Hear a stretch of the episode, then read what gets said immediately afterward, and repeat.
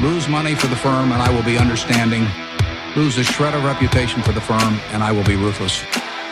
I welcome your questions.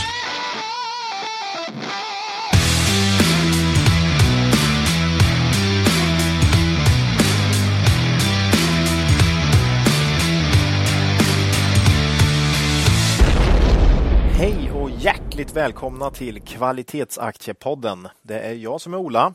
Det är jag som är Marcus. Ja, och det är jag som är Klas. Eh, det här är avsnitt 129 som släpps natten till torsdag den 10 november. Mm. Men spelas in dagen innan enligt vår nya metodik här.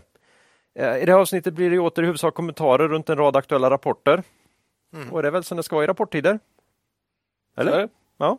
Sen senast då har det varit höstlov här och överallt i Sverige tror jag nu för, tiden. Va? Det är väl samma vecka överallt.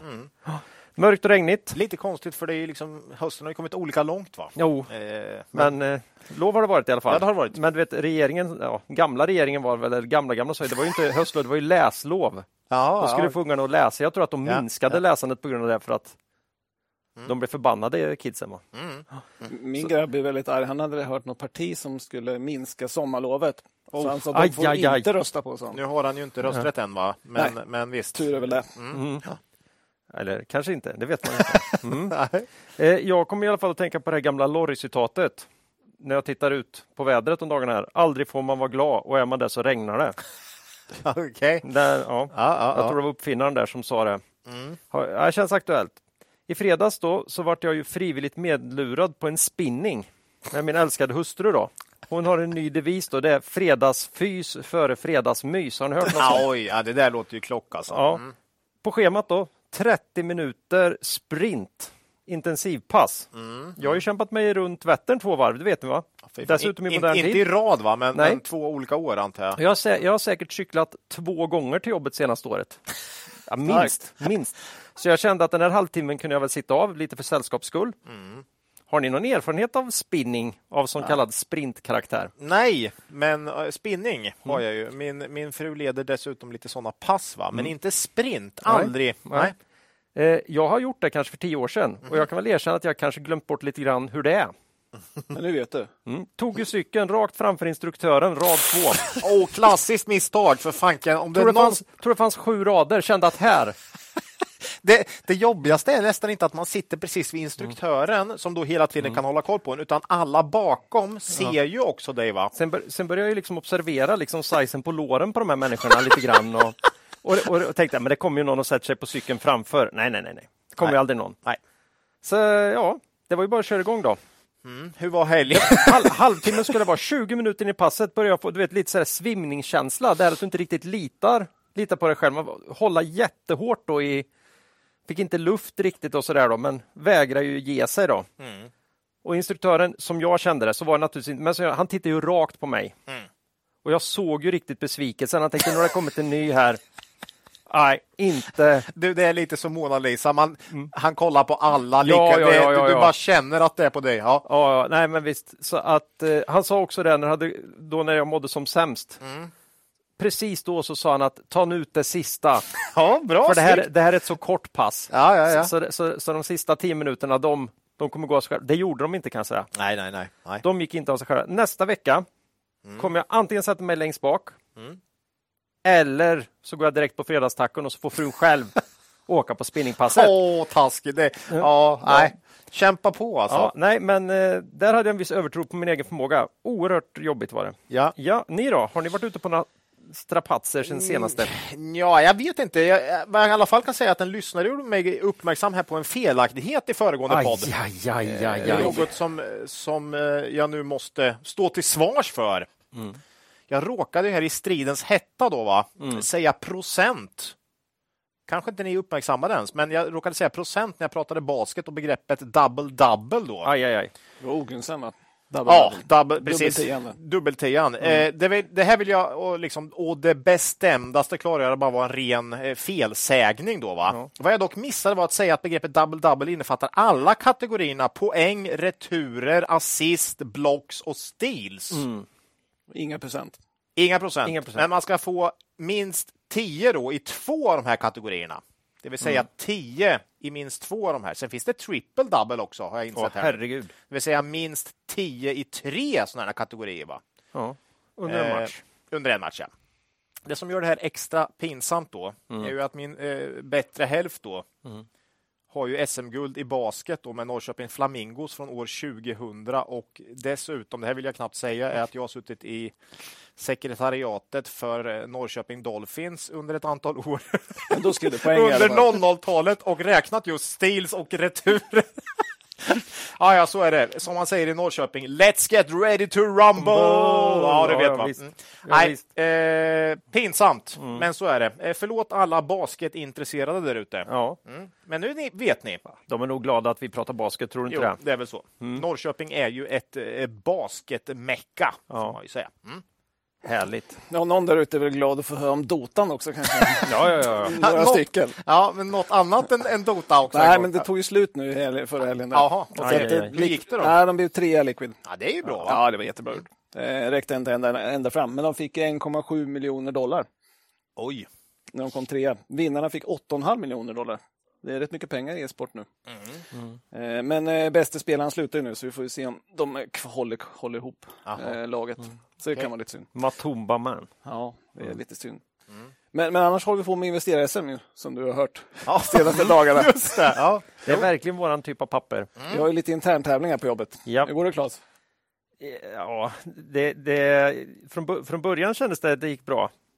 Och sen, sen varje gång jag berättar för dig att jag är upp lite grann, då var du mer än dubbelt så mycket upp hela tiden. Jag utgår från att det här har hållit i sig. Jag, jag passar på att säga just nu eftersom vi vet inte om det håller. Nej. Nej, vi har hela veckan kvar. Så Hur, att, vad, eh, vad, är, vad är det för... eh, Det är, det är ren trading och, och vad är det för instrument? Nej, det är ju derivatinstrument. så det går ju fort som rackaren. Så det är inte det här liksom kvalitetsaktiepodden. Eh, Har ingenting med det att göra. underbart att få kasta in en bear gånger 10 på Ja. OMX30 som jag gjorde igår. Då vet ni hur det går för mig. ja. Det är fiktiva pengar. Vet du, Hur har det gått för er? Det är ju tre dagar snart här som har gått av den här. Ja, senast 49 av 5500. 49 Så plats ja. av 5005. Fanken, du kanske ska får se. byta podd till, till Phil or Kill, har jag på att säga. Tradingpodden. Ja. Ja, de, Nej, det det, var- det här är nog till och med lite för offensivt för dem, vissa av de här instrumenten tror jag. Det är bara, 49 av 5000, ja, men det är ju bra Marcus. det är bara tur. Vi får men nästa vecka håller. kan du ju kanske... Ja, det var bara en vecka. Det håller bara på Mm, till fredag. Ja, jag låg i 127 i morse. Ja, 127. det är också bra. Ja, men eh, jag tänker att vi stannar den här programpunkten här. Jag vill faktiskt höra vad ni landar på också, men Ja. ni måste vara upp en hel del då på några dagar. Då, eller? Ja, väl 40 procent eller något sånt. 40 procent, herregud, vi kan ju sluta med de här Beijer Alma och, och och sånt. Loomis, va? Det är Ja, ja. rena skiten. Jaha. Jämfört tråkigt. med det här. Ja. Det Olja Ja, och nej, gas och men den som hör det här har en liten chans. Det håller på till fredag. Och det går Kul. fort i, i fort i derivatens värld. Ja. Ja, jag skulle tippa att de flesta har, har tappat från de här 100 000 man hade från början, så man kommer ju in någonstans mitt i fältet om man kör igång. Ja, nu. precis. Så att, eh, Ja, ja. Nej, lite kul. Spännande. Lite omväxling i vardagen. Ja. Japp, ja, roligt. Eh, ja, eh, innan här pratade jag ju lite om spinning. va? Några då som inte tar fatt skulle försöka följa instruktören om någon var där, utan förmodligen leda passet. Vet ni vilka det är? Oh, det är ju, det är ju Cavalier. Ja. Peter och Håkan, Mm. Cavalier, vår huvudsponsor. Mm. Eh, de är med oss som vanligt idag och eh, ja, de förvaltar ju då inom Cavalier fonderna Cavalier Quality Focus och Cavalier Investmentbolagsfond. Quality Focus har fortsatt att gå bra under rapportperioden. Ligger nu tvåa i Morningstars kategori Sveriges små och medelstora bolag.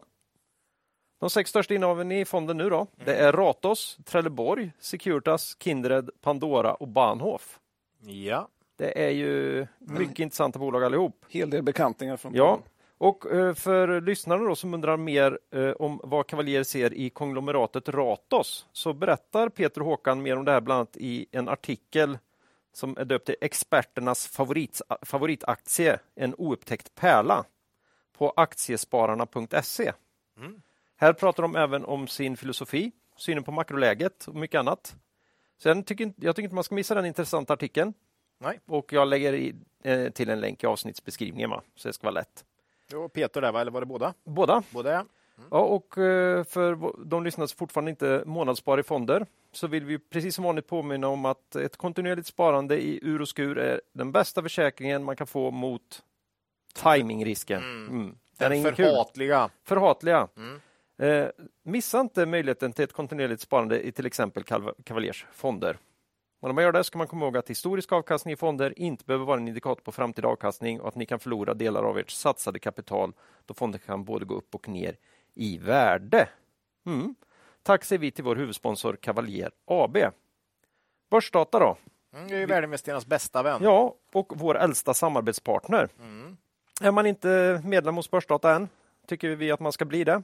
Alla medlemsnivåer och priser hittar man på borsdata.se pristabell och själva tjänsten hittar man på borsdata.se terminal. Och där finns det, har ju alla tillgång till en utmärkt testversion som ger ett bra smakprov på vad tjänsten har att erbjuda. Tack säger vi till Börsdata. Innan vi går vidare i avsnittet vill vi påminna våra lyssnare om att aktieinvesteringar alltid innebär ett stort risktagande. Aktier kan både gå upp och ner i värde. Satsa därför aldrig kapital på aktier som du inte är beredd att förlora. Det vi säger i podden ska aldrig betraktas som köp eller säljrekommendationer.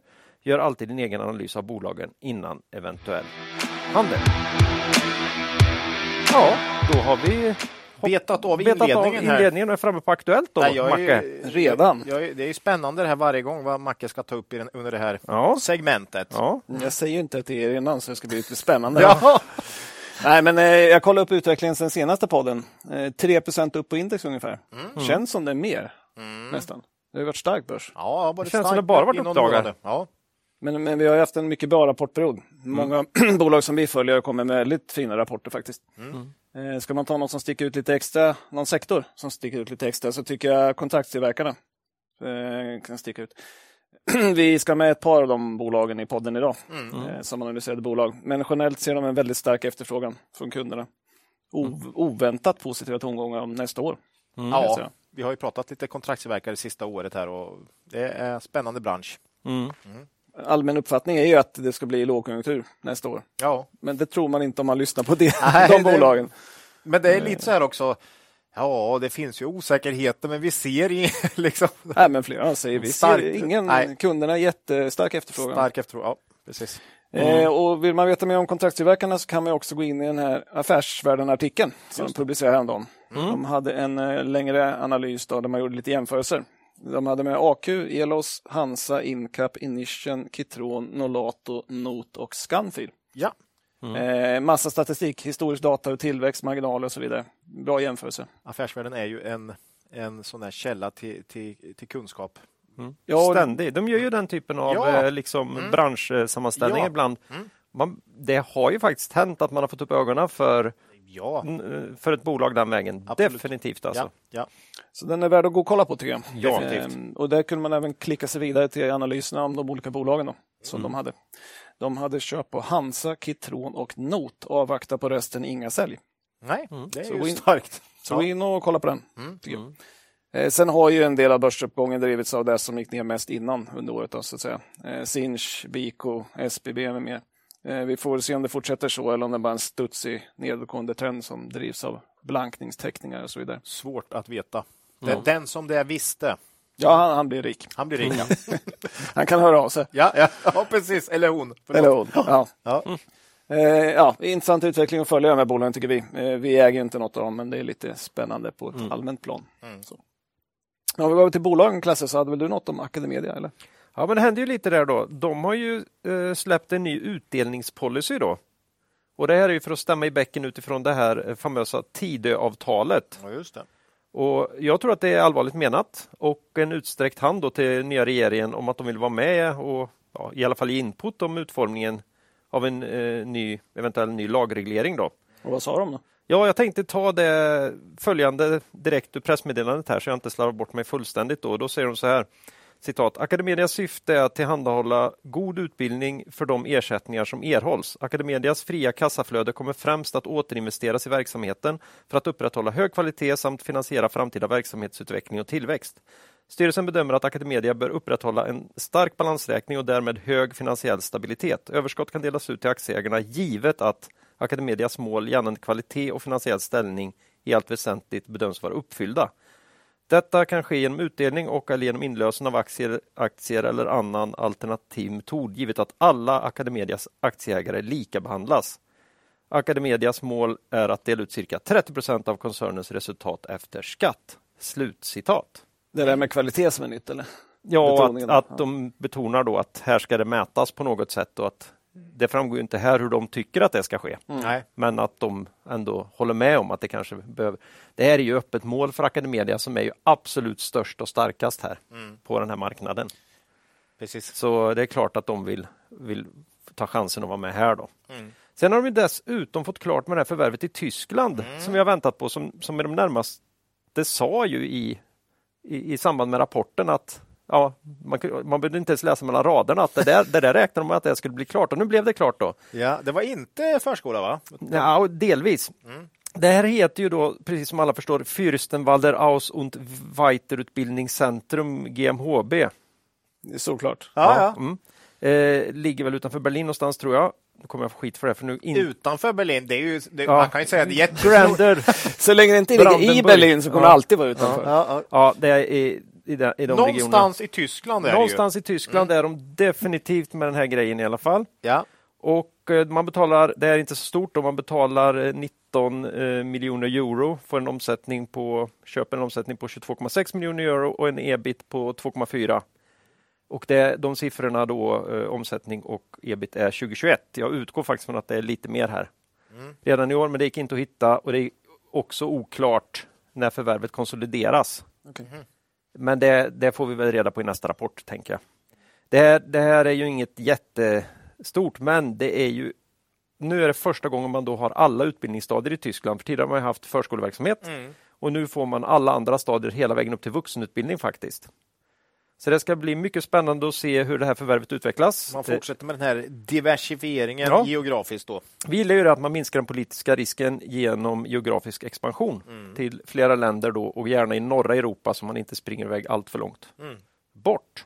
Ja, Det är bra. Spännande. Ja, det där är ju ett spännande case att följa. Japp. Ja, sen hoppar vi in i en kontraktstillverkare då. Igen? Eh, ja, och den 7 november fick nämligen norska Kitron då, som vi haft upp i podden eh, några gånger, en stor order, 750 miljoner norska kronor från Kongsberg Defence and Aerospace. Ja, det är en stor kund. Det är Ja. av, det, jag tror det är sprunget ur Kongsberggruppen. Är det till och med så? då? Jag tror det. Nu, nu är jag också Bra. ute på djupvatten, men jag tror att Kitron Det är en sån dag idag. Nu, ur- nu, nu gissar vi. jäklar, nu kör vi nu gissar vi bara. Nu Ja, kör vi ja. chanssningspodden. Ja. Chansningspodden. Nej, men jag tror det. Elektriska moduler till vapensystem som man kallar Remote Weapon System ska man i alla fall göra. Fy fan, det låter... Eh, ja. Femårsavtal, eh, jämnt fördelat tror man ungefär, 150 miljoner om året. Eh, Keton omsatte 2021 3,9 miljarder norska, eh, då är det 4 av årsomsättningen. Eh, men sen växer man ju väldigt starkt i år för man köpte det här BB Electronics, eh, danska bolaget. Eh, rimlig gissning på 22 om man ställer i relation till den då, så blir det ungefär 2,5 procent. Men ganska väsentligt för en enskild order. Då. Stor order. Ja. Sen är ju, man hade ju en väldigt stark Q3-rapport, men det var just det här Defense och Aerospace som inte var så bra i rapporten. Det är ju lite konstigt med tanke på allt Ja, man som tycker händer i omvärlden. Ja. Eh, Men, men jag läste lite grann att det har varit problem med det området för att man, man har ju svårt att få komponenter. Och Ja, där, där är det känsliga med att byta komponenter. Eh, så att man inte kan ta vilka som helst så att säga. Nej. Eh, och därför har det varit lite trögare. Men det är bra att man får en stor order. Ja. Vi får se om vi kör Kitrons Q3-rapport senare i podden då. Eh, kursen gick ju rätt mycket på rapporten och har redan gått upp. Då. Generellt sett bra rapporter från de här bolagen. Ja. Ja, verkligen. Och det här var, är man intresserad av kontraktstillverkarna, gå och lyssna på Kitrons konfkår. De var väldigt positiva tycker jag. Vi har också pratat, vi har väl ett par poddar där vi har gått igenom eh, kontraktstillverkare historiskt också, kan man leta i våran historik där. känns som det mm, spel, makrospelet vi börjar prata om, där spelar ut allt mer. Ja, verkligen. Det, så är det. Så det är kul. Samtidigt har det varit eh, lite tuffa tider på börsen här under året, så att, men, men de har ju som bransch har de ju överpresterat. eh, Definitivt. Definitivt. Ja. Mm. Intressant. Mm. Eh, sen tänkte jag knyta ihop säcken om Swedish Match. Då. Oj. Ja, Mm. vad händer? Vi tog upp dem i avsnitt 109 då, eh, längre in genomgång och sen i 117 det tog jag budet då, som Philip Morris lämnade till aktierna, 106 spänn, eh, 40 premie då, innan det började skriva om det i media. Eh, det som hände sen var att en del hedgefonder köpte in sig, eh, krävde att budet skulle höjas. Då var ju den här aktivistfonden Elliott Management mest högljudd, köpte 10,5 procent av bolaget. Oj. Det är mycket i Swedish Match. Mm. Eh, och då kunde man ju stoppa tvångsinlösen då.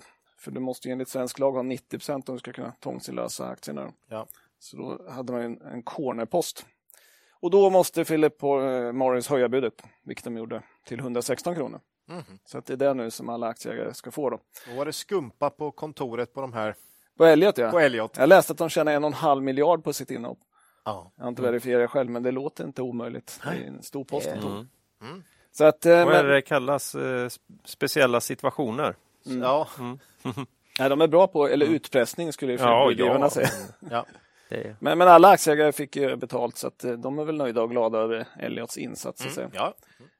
Det Philip Morris gjorde var att man förklarar budet ovillkorat. Då. Man tar in de aktierna man har fått, man var lite över 80 procent så förlänger man budet.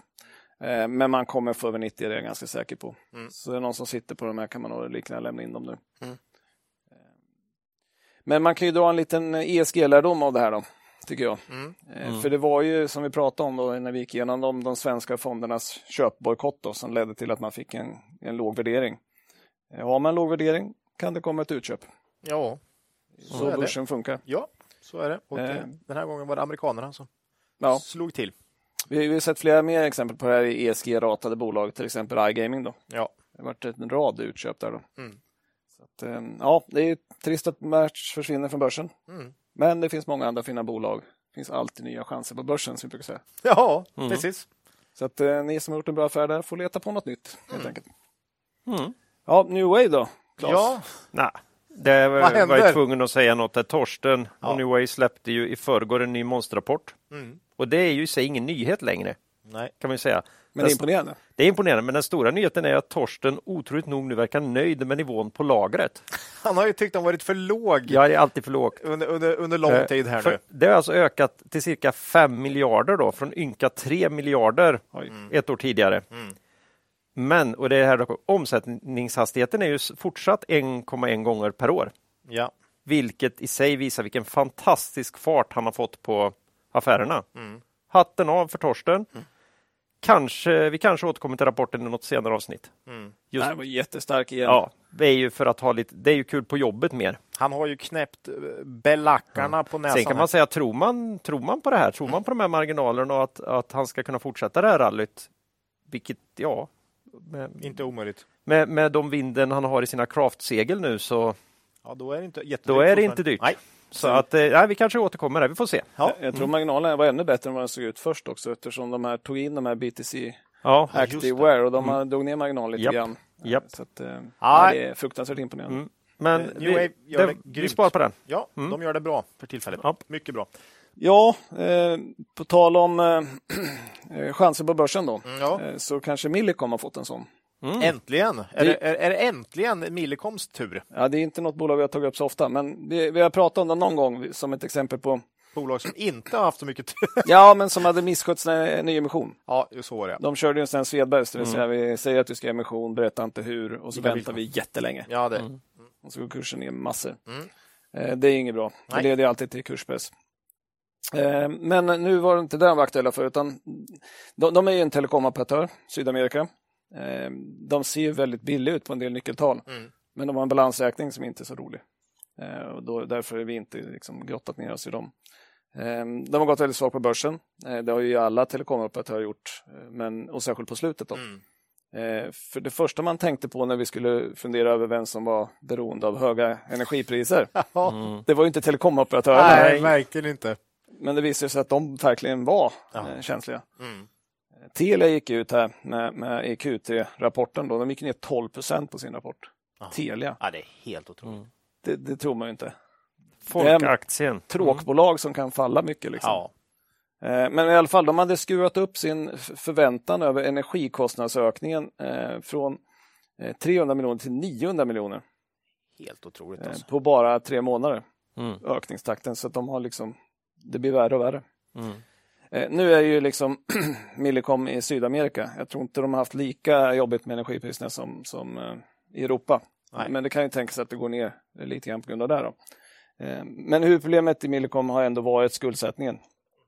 Är man högt skuldsatt vill man ha en stark huvudägare som kan ta ansvar och hjälpa bolaget vid behov. Då. Det hade ju Millicom i Kinnevik, men de tackade hej och delade ut alla sina aktier istället. Ja. Och sen har man inte haft någon huvudägare. Eh, Mm. Och det har inte varit något bra och marknaden har varit lite orolig. Men det som nya chansen då var att den här franske mångmiljardären Xavier Niel, heter ju säkert inte så då på, på franska. Men han klev in som största ägare med 7% av aktierna. här nyligen. Han ska vara god för 85 miljarder. Mm. Då får man in en huvudägare med lite finansiella muskler då, så kanske man kan förhoppningsvis ta bort de värsta scenarierna från bordet. Då. Mm. Kurs upp 10 på, på nyheten.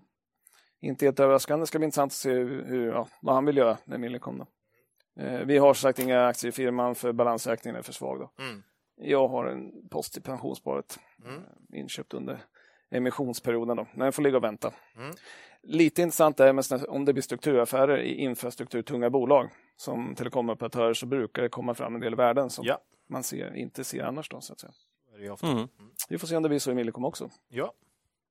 Men sen slutligen, vi måste ju ta med, tycker jag, det har varit så mycket snack, den stora snacksen sen senast. Mm. SBBs drag för att röka ut blankarna i aktien. Mm. Det har ju stått eh, spaltmeter om det. Man har ju alltså beslutat sig att dela ut bostadsbeståndet då, som finns i bolaget. Eh, Man sa att man skulle renodla mot samhällsfastigheter. Eh, Och det är ju säkert ett delsyfte. Men det verkar vara en ganska smart taktik för att röka ut blankarna i bolaget. Då. Men det kan ju inte kännas som, komma som en chock om någon känner till vad bolaget heter. Samhällsbyggnadsbolag. Ja, Ja. Nej, men de, de köpt, jag kommer inte ihåg vilket bolag, de har ju köpt en hel del. Ja. Och då fick de in massa bostadsfastigheter. Ja. Eh, Så att eh, visst, man kan absolut göra caset för att det bara är renodling. Då, så att säga. Eh, Men, men då blir det ju frågan vad som händer med de här som har blankat aktierna. Då. Ja. Vad gör man vid en sakutdelning? För den som har lånat ut aktierna, han behöver ju kompenseras. Kursen kommer ju gå ner när man delar ut det här. Mm. Och då måste han ju rimligtvis, den som har delat ut, antingen få de aktierna som skildes av eller få värde motsvarande nedgången. Då. Eh, och, och vi vet ju inte riktigt exakt hur det här funkar. Nej. Så vi tänkte kolla med lyssnarna igen om det är någon som har bra inblick i hur det här fungerar. Mm. Vi har läst några artiklar i tidningar där de inte haft koll. Men ibland har våra läsare bättre koll än tidningarna. Ja. om det är någon där ute som vet hur det funkar så hojta till. Det är i alla fall en, en kamp här. Det är det. Är en, en, en strid, skulle jag säga, eh, som är väldigt skönt att bevittna från sidlinjen. Det är jag. spännande. Spännande är det ju. Det är som, en, som en oerhört eh, dramatisk femsättare här eh, med oviss utgång. Jag tycker det är stressande nog att vi, vårt kontor, vi hyr ju en av de här högaktuella bolagen, inte just det här, Nej. men, men ett av de andra som är på tapeten just nu. Det tycker jag är jobbigt, så att, att ge mig på aktien, nej, det, Det, det, det är en får- bit bort kan man säga. andra Det får andra hålla på med. hålla på med. Ja. Nej, men eh, som sagt, den som har blankat måste ju lämna tillbaka aktierna. Då. Ehm, och enligt affärsvärlden så ska ju den här bostadsdelen knoppas av i december 22 men inte noteras förrän i februari 23. Mm. Då har man ju två månader där, där man inte riktigt vet vad som gäller. Nej, Ehm, shit alltså det här. Det blir kul att följa. ja, och, och om det är så att man måste lämna tillbaka aktierna då kanske blankarna måste jaga onoterade aktier. Ja. Det är inte så lätt. Nej. Eh, om det är så att de kan vänta men eh, lämna tillbaka dem när de noteras, då måste de ju köpa den då. Då kan det bli ett jädra drag i aktien. Mm. Eh, om det är så att man kan vänta och betala mellanskillnaden, ja, då blir det intressant om det är andra som ska köpa och trycka upp kursen. Då. Det blir dyrt. Ja. Nej, vi får se. Det blir jättespännande i alla fall. Eh, men man kan ju se att liksom, det blir ett köptryck i SBB-aktien efter beskedet i alla fall. Mm. 30 procent upp på två dagar. Mm. Och blankningarna gick från 16,3 procent ner till 13. Då. ja. Så att det Det verkar var någon som lyckas. kände att nu får det vara... Mm. Så det blev lite u- röka ut lite faktiskt. Ja, Mm. så att vi måste ju säga att den här ronden gick till Ilja. Ja. Mm. Eh, Det är ju en lång match, men, men den här ronden gick till Ilja. Så att, eh, vi får se. Det, det är jättespännande att följa. Vi ska ju se vad han gör med utdelningen också. ja. Han lovade ju att höja i hundra år i rad. Det är ju lite sådär... Why do you say that alltså? Eh, är det... Mm. Det var väl lite hybris kanske. Ja. Vi får se om det blir två år i rad då. Man Eller kan ju börja... Att han höjer Det en är gång. lite mindre än hundra. Ja. Ja, vi får se. Det är Vi får spännande. se. Mm. Spännande. Vi följer från Denna boxningsmatch. Ja. Mm. Eh, Det var... Det var det. det var aktuellt. ja. ja, vi hoppar väl på bolagen då som jag sa att det var det det skulle handla om här idag. Mm. Eh, då får det väl vara så. Äntligen säger jag. Liksom. Äntligen, åtta stycken blir det idag och vi börjar med AQ då. Det här är ju industrikoncernen eh, som i senaste rapporten slog ett slag för en elektrifierad värld. Och då undrar man ju om Q3-rapporten även var elektrisk i övrigt, Marcus? Var med i Ja, senaste avsnitt 116? ja, vi hade inte upp efter Q2 faktiskt. Nej.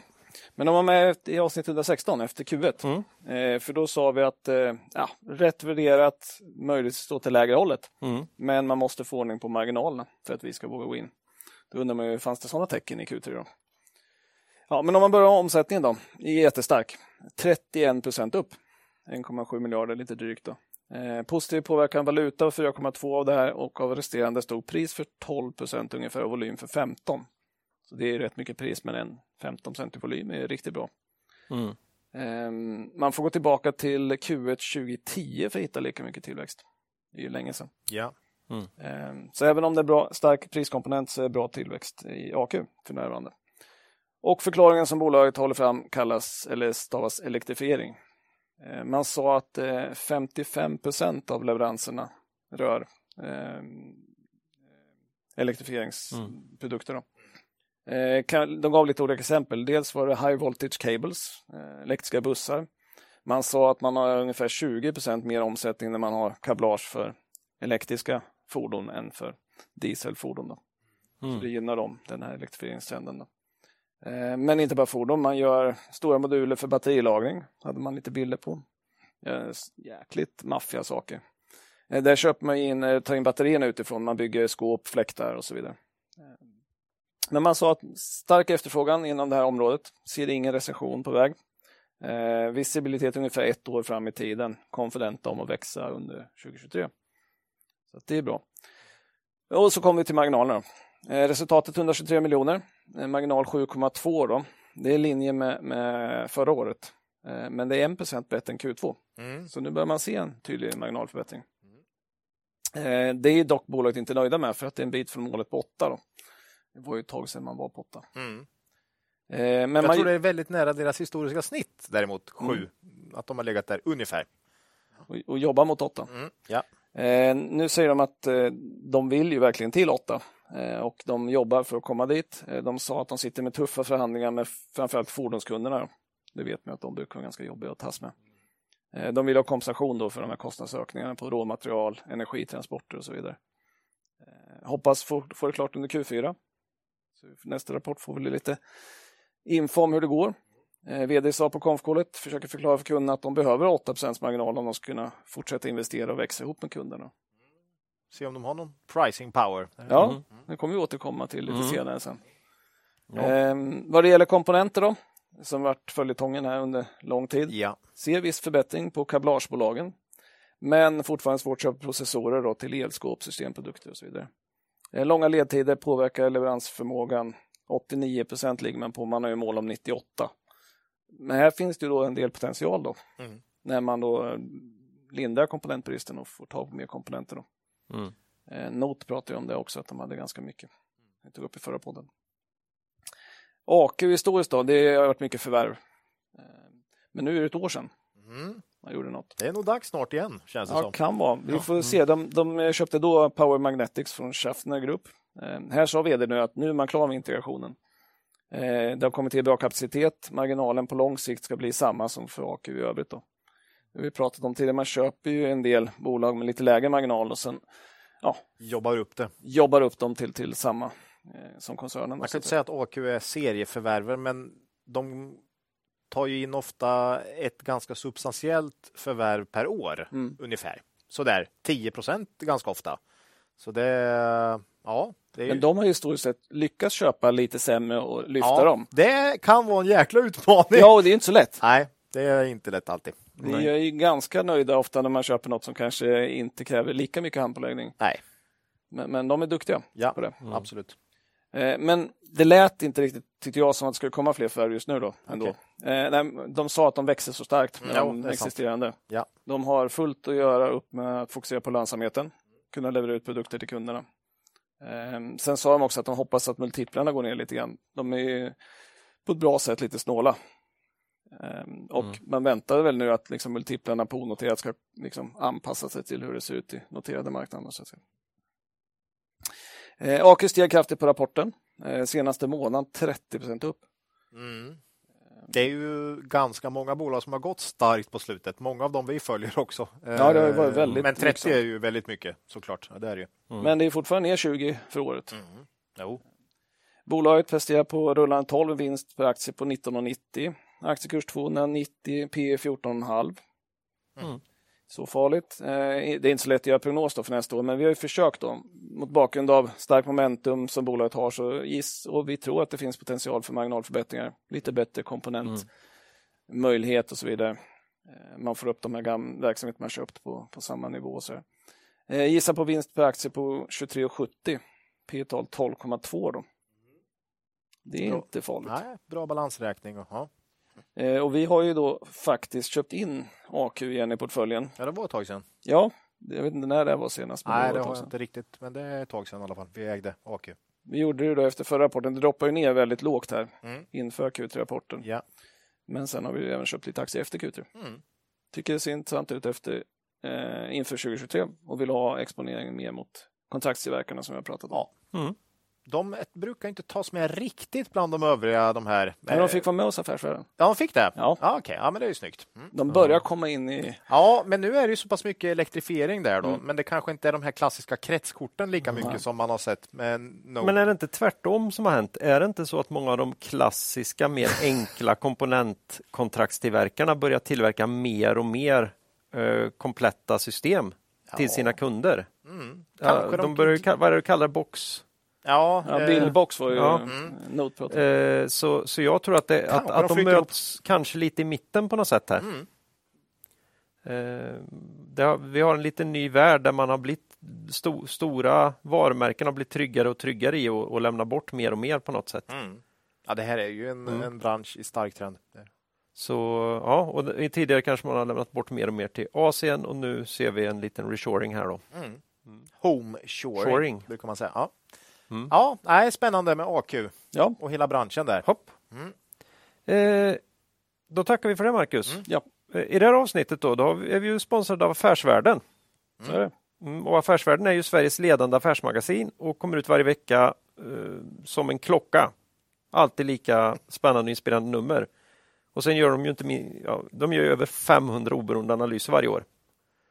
Och eh, de har ju nu då också, förutom sitt klassiska pappersmagasin, ett utmärkt digitalt magasin och en digital plattform. Eh, I avsnittsbeskrivningen finns eh, som vanligt en länk till ett mycket förmånligt erbjudande på deras produkt Premium Digital i tre månader till halva det ordinarie priset. Ja, det, det, är, det är bra. det är bra. Eh, och eh, om man istället då vill gå, dire- gå direkt till eh, deras prenumerationssida så anger man bara kvalitetsaktiepodden med små bokstäver som kod. Så kan man få tillgång till erbjudandet den vägen.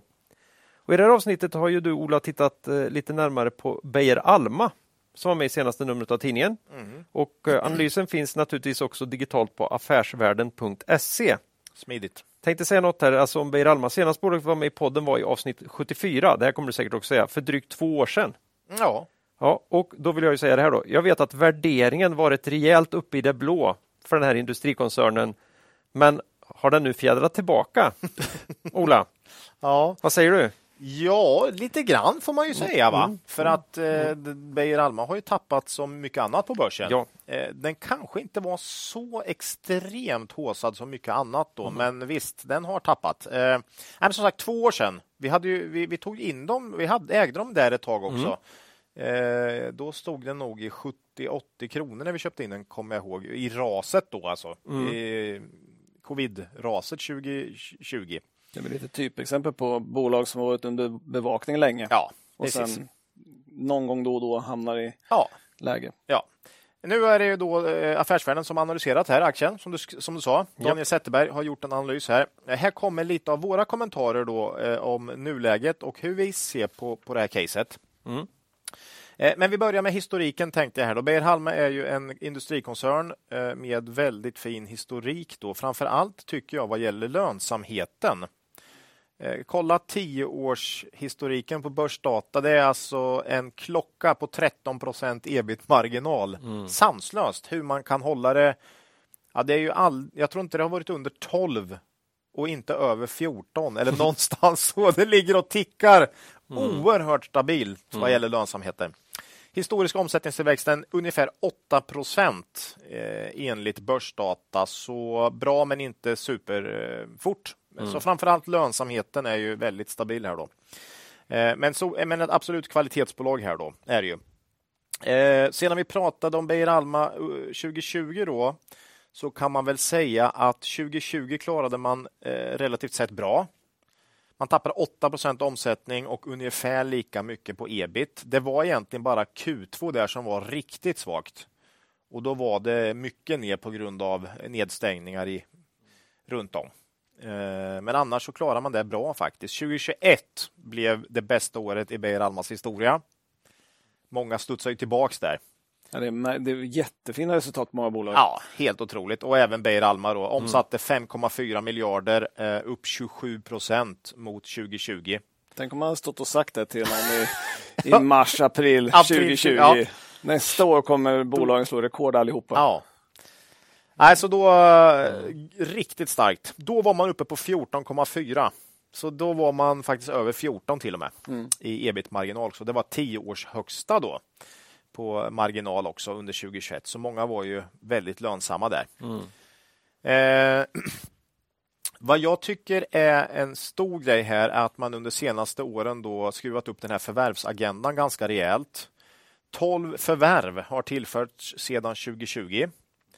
Eh, här är det klart största eh, förvärvet då som man gjorde i, i, i, år faktiskt. John Evans and Sons, eller John Evans Sons. Eh, och det här kom inte med i räkenskaperna förrän nu i Q3. Mm. Mm. Ett amerikansk, en amerikansk fjädertillverkare med ungefär 400 miljoner i omsättning och en ebita-marginal. Håll i er nu. 27 procent.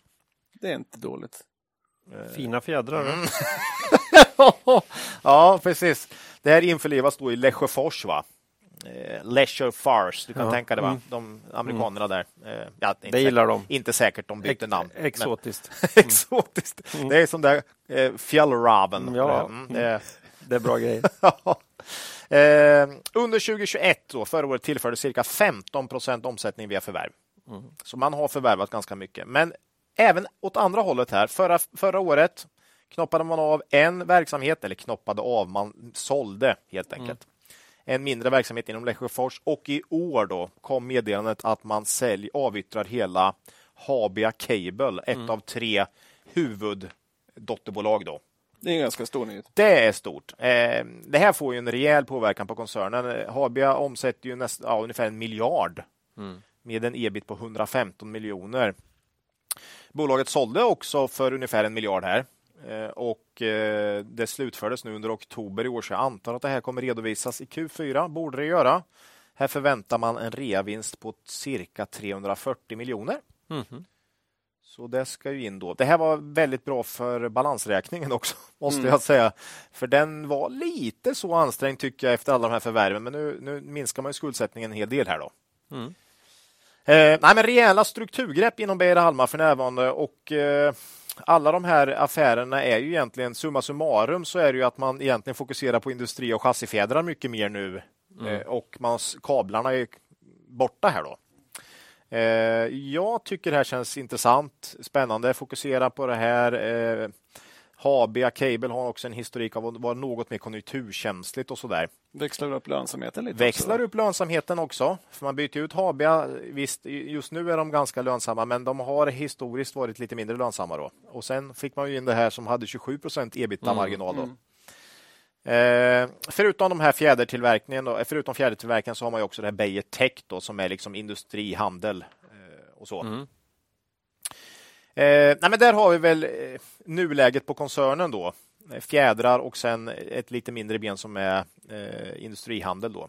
Framtiden då. Eh, här säger Affärsvärlden då i sin eh, analys att man räknar med en omsättning under 2023 som faller med ungefär 5% på grund av sämre konjunktur. Mm. Eh, sämre konjunktur, ja absolut, det kan man väl tänka sig. Eh, väl, de försvinner väl Habia också? Ja, ja, precis. Men samtidigt har man gjort så mycket förvärv här ja, så att eh, organiskt säger affärsvärlden att det är 10 minskning. Mm.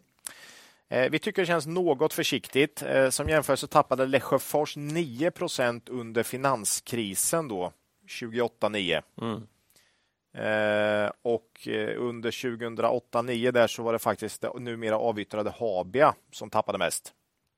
Det här är eh. väldigt svårt just nu, för alla ja. tror att det blir lågkonjunktur. Ja. Hur, hur djup blir den i sådana fall? Djup blir den. Och så lyssnar man på kontraktstillverkarna som inte säger att de tror det. Nej, och Beijer Alma verkar inte överdrivet pessimistiska heller. Ska Nej. helt, så att, mm. det där är riktigt svårt. Alltså. Så att, Ovanligt svårt just nu. Ja, ja, absolut. Men vi räknar nog kanske att de tar i lite mycket här på nedsidan affärsvärden. Vi tror nog snarare flat nästa år, det vill säga organiskt tapp på kanske 5 eller något. Mm. Eh, vad gäller lönsamheten räknar affärsvärden med 13,5 procents rörelsemarginal för 2023. Ja, det är absolut rimligt. Det är svårt att säga. Vi har väl något högre i och med att vi tror att John Evans då eh, kommer eh, bidra med lite högre marginal. Ja, man säljer bort sånt med lägre marginal och får in mm. sånt ja. med högre. borde ju få en positiv effekt. Så vi har 14 för nästa år, men 13,5 eller 14, det är ju, ni hör ju själva, det är ju väldigt svårt att veta. Mm. ehm, så hyggligt eh, överens med affärsvärden där skulle jag säga i vår analys, även om vi tycker affärsvärden är lite för försiktiga. Ehm, tycker dock att, att affärsvärden eh, är lite för negativa vad gäller skillnad mellan ebit och vinst efter skatt. Ehm, möjligt att förvärvet i USA kan stöka till det vad gäller skattesats där som vi inte riktigt har koll på, men det är lite svårt med amerikanska köp ibland. Mm. Man får verksamheter borta så ja. ökar skattesatserna ibland. Precis, eh, så är det ju. Eh, kolla BTS till exempel, ja. vad de betalar i, skatt, i skattesats liksom, för koncernen. Så, nej, men summa summarum, vi har ju liksom snarare en vinst per aktie på lite över 10 kronor för 2023. Eh, affärsvärden ligger på 8,50 mm. så där har vi en skillnad. På dagskurs 164 kronor ger affärsvärdens prognos för 2023 ett P på 19 ungefär. Räknar man på 10 kronor, som vi mer lutar åt, så landar det på 16,5. Mm. Eh, Beijer Almas balansräkning är numera i ja, gott skick skulle jag säga efter avyttringen av Habia. Eh, en och en halv gånger nettoskulden ungefär. Ebitda.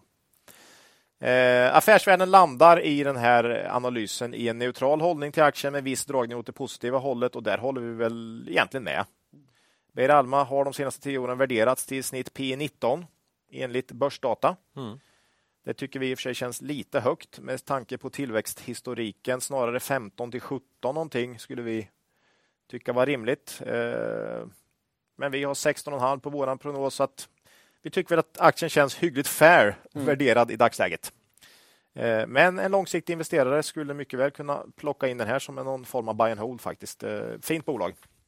Vi äger inga aktier i Beijer Alma i dagsläget, men tackar Affärsvärlden för analysen så att vi fick titta lite på Beijer Alma igen. Mm. Det var länge sedan. Ja. Det vattnas lite ändå. Ja, jo, men det är ett mm. bra bolag. Mm. Oerhört stabilt och fint. Ja. Så ja, det är väl det. Mm. Vi är hyggligt överens får vi säga. Ja, mm. och då kan vi också säga tack till vår sponsor Affärsvärlden. Mm. Mm. Eh, vi hoppar vidare här till eh, Betsson då. Det här är ju iGaming-bolaget som numera är ett bett även på Sydamerika. Senast med avsnitt 123. Ja, men så är det. De var ju med i 123 och då tog, gjorde vi en kombination av Betsson och Kindred mm. efter Q2-rapporterna. Eh, konstaterar att båda bolagen har, kommer att ha spännande Q4 med fotbolls-VM. Men att de måste klara av ett Q3 där man hade Holland med förra året. Mm. Det var lite tufft. Ja. Eh, men i den här podden så kör vi bolagen var för sig. Mm. Ja, de här måste börja segla upp som bland de vi har haft mest med här i podden nu va? Ja, det är kanske läge att göra ja, en sån där genomgång Bets, snart igen. Framförallt Bet, nej, både Betsson och Kindred, men de har varit mm. med många gånger nu. Jag tror att de kan få svårt att slå AQ. Ja, kanske. Om de, nu är de tillbaka igen. Vet du, ja. så att, ja. Pro, Proact kan bli svår också. Ja, mm. AQ och Proact mm. tror jag ligger högt också. Mm.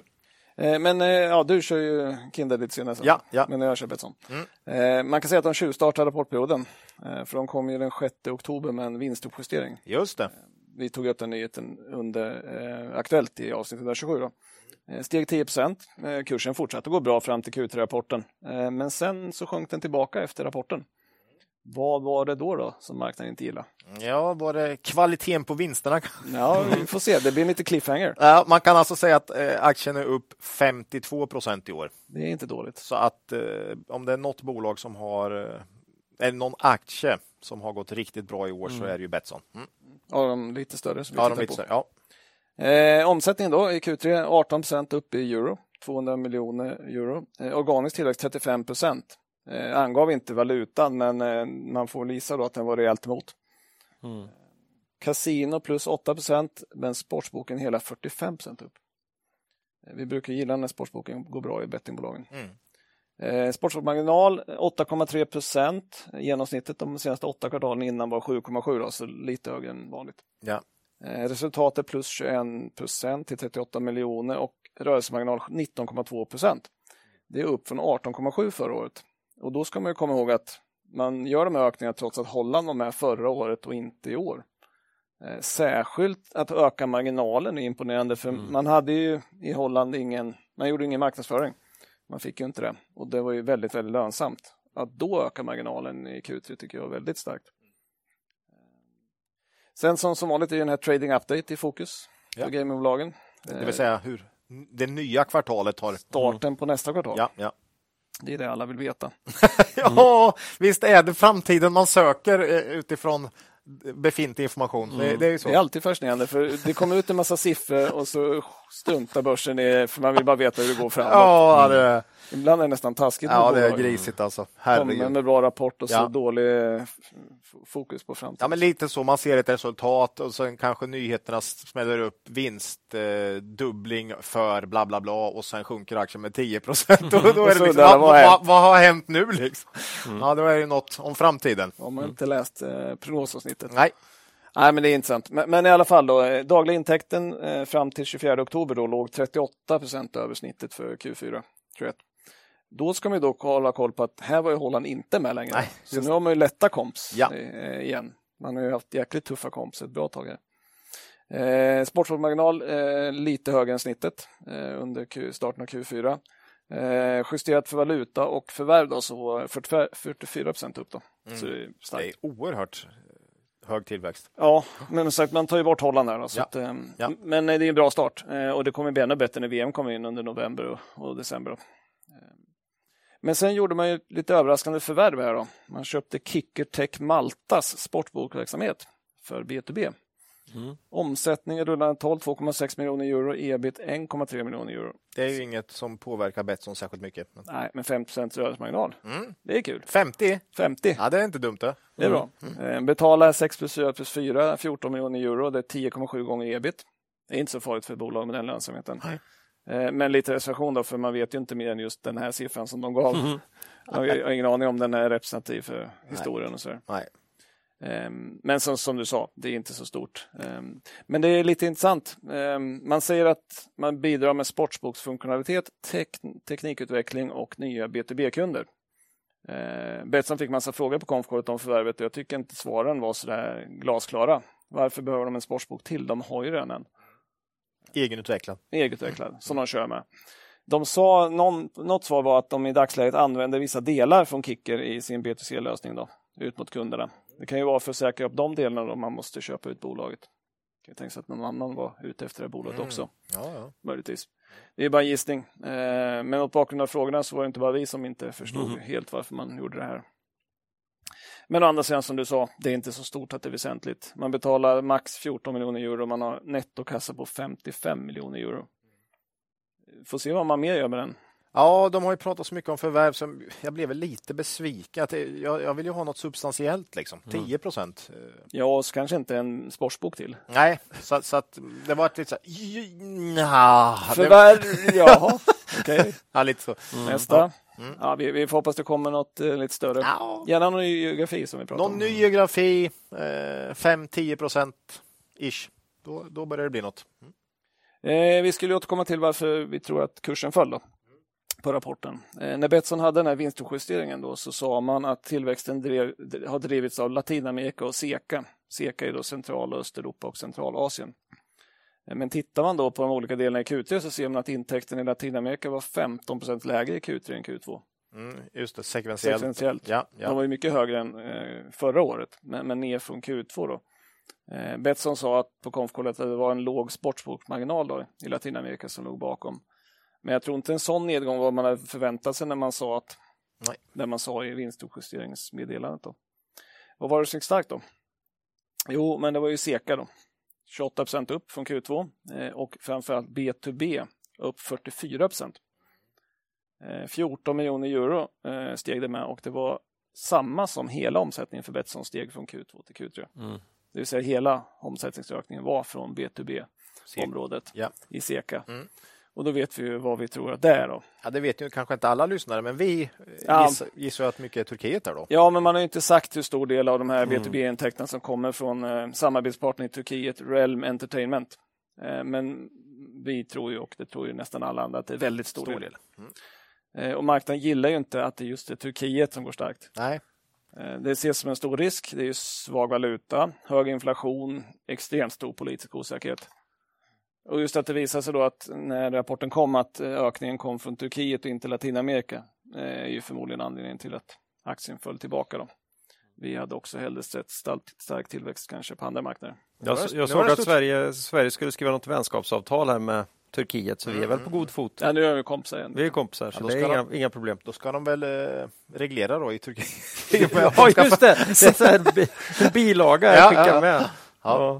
Ja, nej, men man ska ha med sig också Betsson har ju gått väldigt bra som du sa. Ja, den har ju dessutom gått upp nu igen. Ja. Eh, så att den var ner, och, men nu, ja.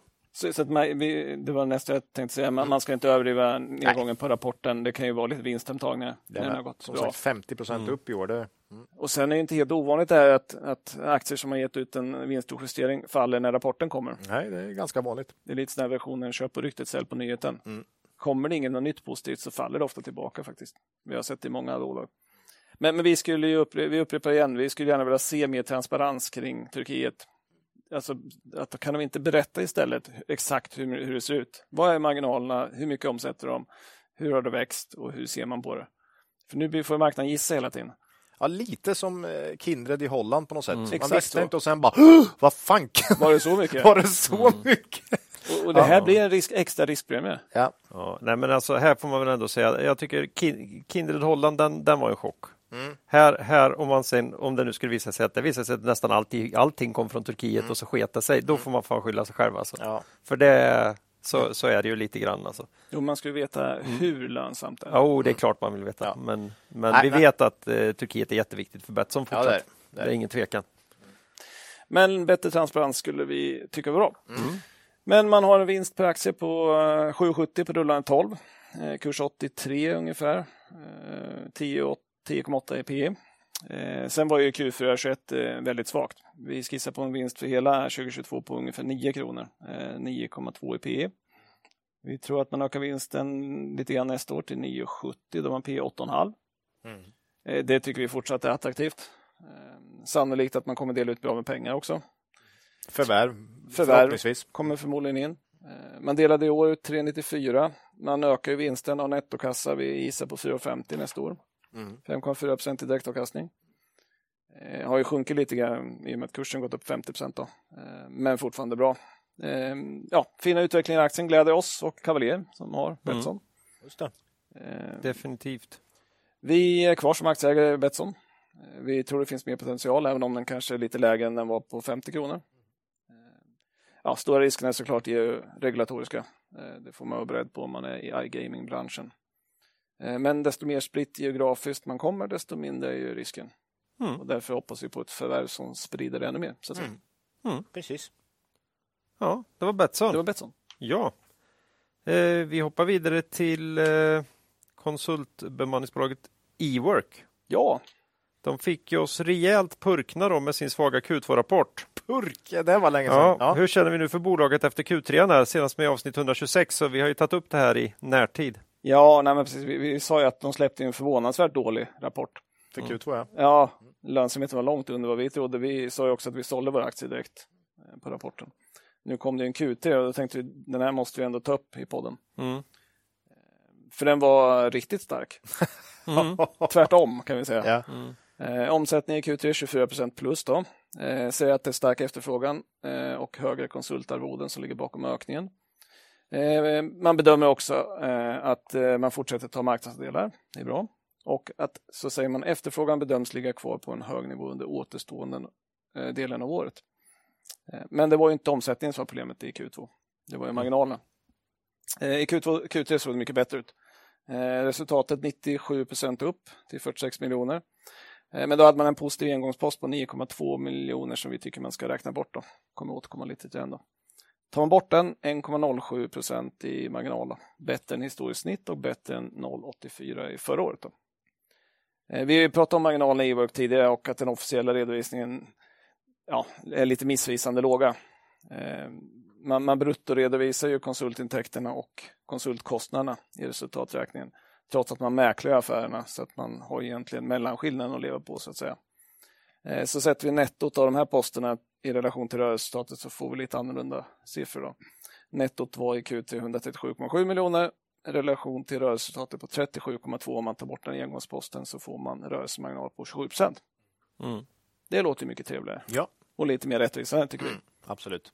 Och då är man helt plötsligt, som vi har sagt tidigare, ett IT-bolag med eh, skalbar affärsmodell och en 27% i rörelsemarginal. Ser lite annorlunda ut. Eh, men om man går tillbaka till engångsposten då, så sa bolaget att eh, en genomgång av bolagets kontrakt för nio månadersperioden ger högre intäkter och lägre kostnader i Q3. Dessa poster var i allt väsentligt periodiseringseffekter från tidigare kvartal såsom justering av rörlig lönekostnad och aktivering av plattformsutveckling. Inte 100% glasklart tyckte vi. Eh, och vi frågade om det här på konfkålet och fick inte de tydligaste svaren tycker vi ändå. Eh, men som vi förstår det så har haft 9 miljoner för höga kostnader och för låga intäkter i Q1, Q2. Då. Oklart hur fördelningen ser ut mellan kvartalen. Å andra sidan var ju Q1 jättestarkt, Q2 riktigt svagt. Mm. Så det är väl inte helt överraskande om en hel del av det hamnar bara från Q2. Nej, men det, här, det här kan ju förklara en del av chocken i Q2 helt enkelt. Ja, exakt så. Det är ju ingenting som bolaget har gått ut med eller så, men alltså man behöver inte läsa oändligt mycket mellan raderna för att se att det var ju någonting. De hade ju svårt att förklara varför det gick så jäkla dåligt i Q2 också. De var ju mm. själva lika tagna av det känns som att man har fått satt sig ner efteråt och funderat lite grann på vad är det som har hänt här. Vi antar väl att det är en del ja, av förklaringen. Ja, det men det är ingenting bolaget Nej. har gått ut Nej, med. Men de, utan... de säger att den här engångsposten är saker som skulle ha varit tidigare år. Ja. Så att, men sen... och, och, det är knappast i Q1 kanske. Ja, det, Q1 var jättestarkt så det borde ju ha landat mycket i Q2. Och, ja. och lägger man tillbaka större delen av de 9 miljonerna i Q2 då, då blir inte marginalen alls lika dålig. Nej. Och det är väl kanske rimligt att det var så. Då.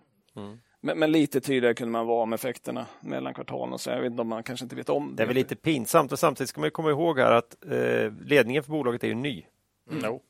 Visst. Så det, är det någon gång det ska kunna hända något sånt här så är det väl nu. Mm. Eh, vi har ju lugnat ner oss kraftigt efter det här ja. mot hur vi kände innan. Och, ja. Nej, det känns precis. mer som ett olycksfall i arbetet än att man plötsligt har blivit något annat som vi var rädda för. Ja. Ja, precis. Och sen eh, antal konsulter på uppdrag plus 18 procent, orderbok plus 18 procent. Mm.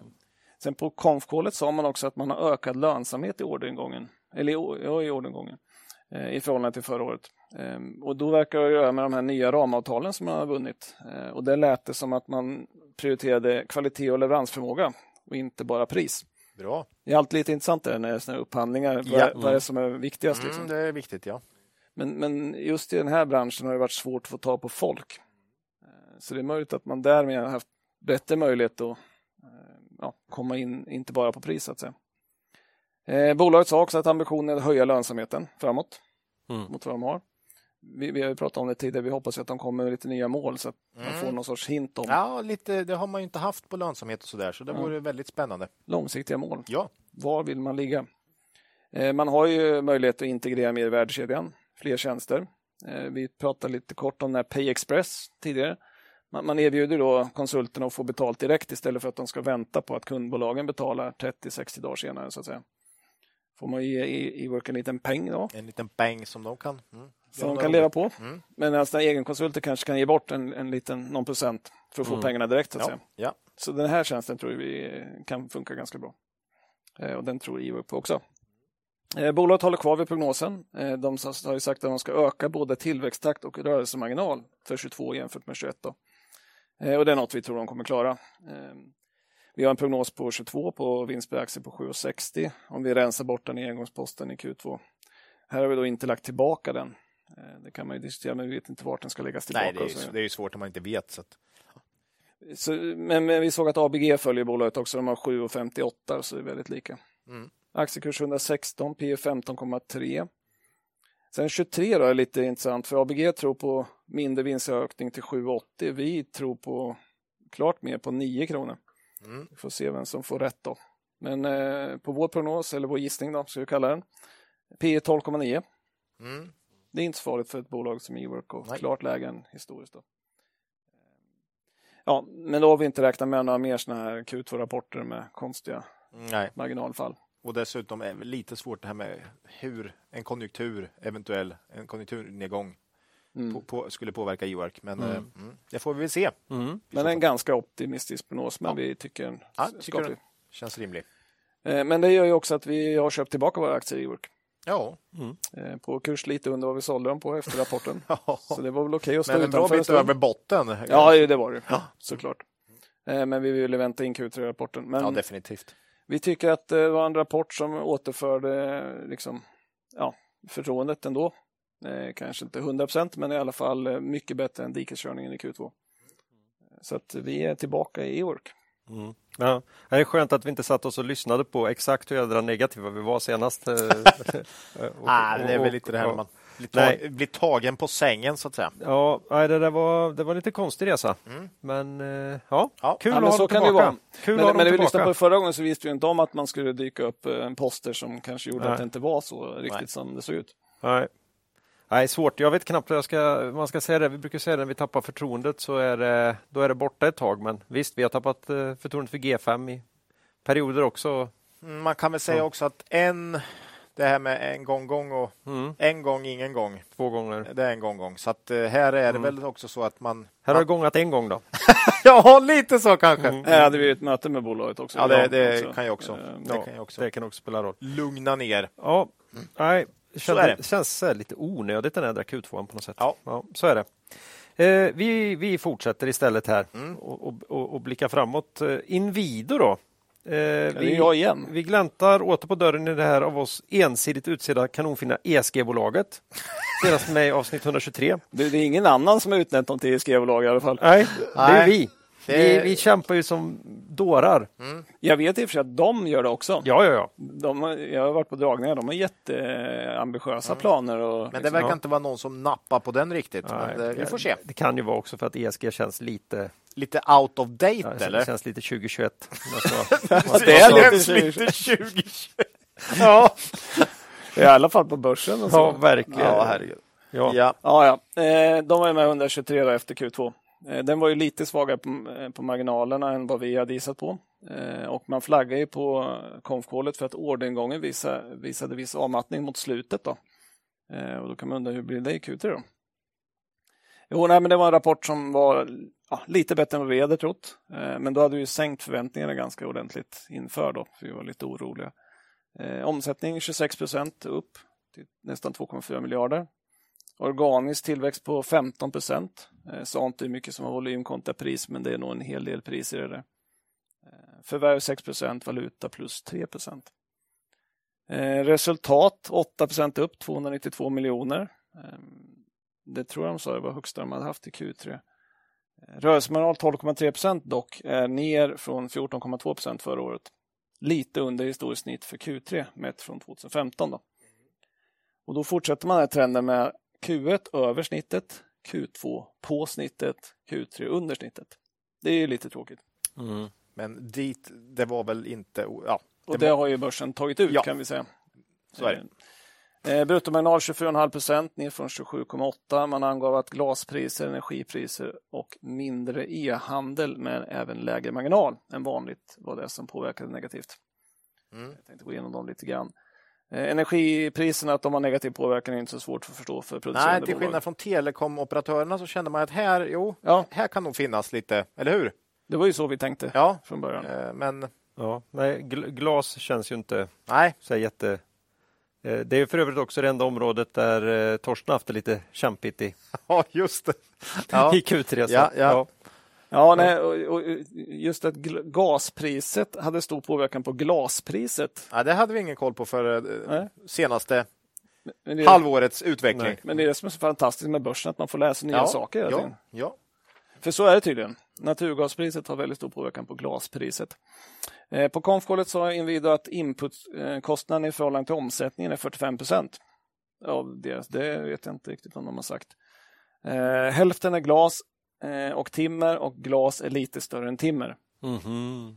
Om man försöker gissa ner där så gissar vi på 12,5% glas och 10% timmer. Eh, det är bara en gissning. Eh, priset på timmer då har ju börjat falla tillbaka från höga nivåer. Det, det har ju Byggmax pratat om en hel del och så också. Så det går åt ett håll.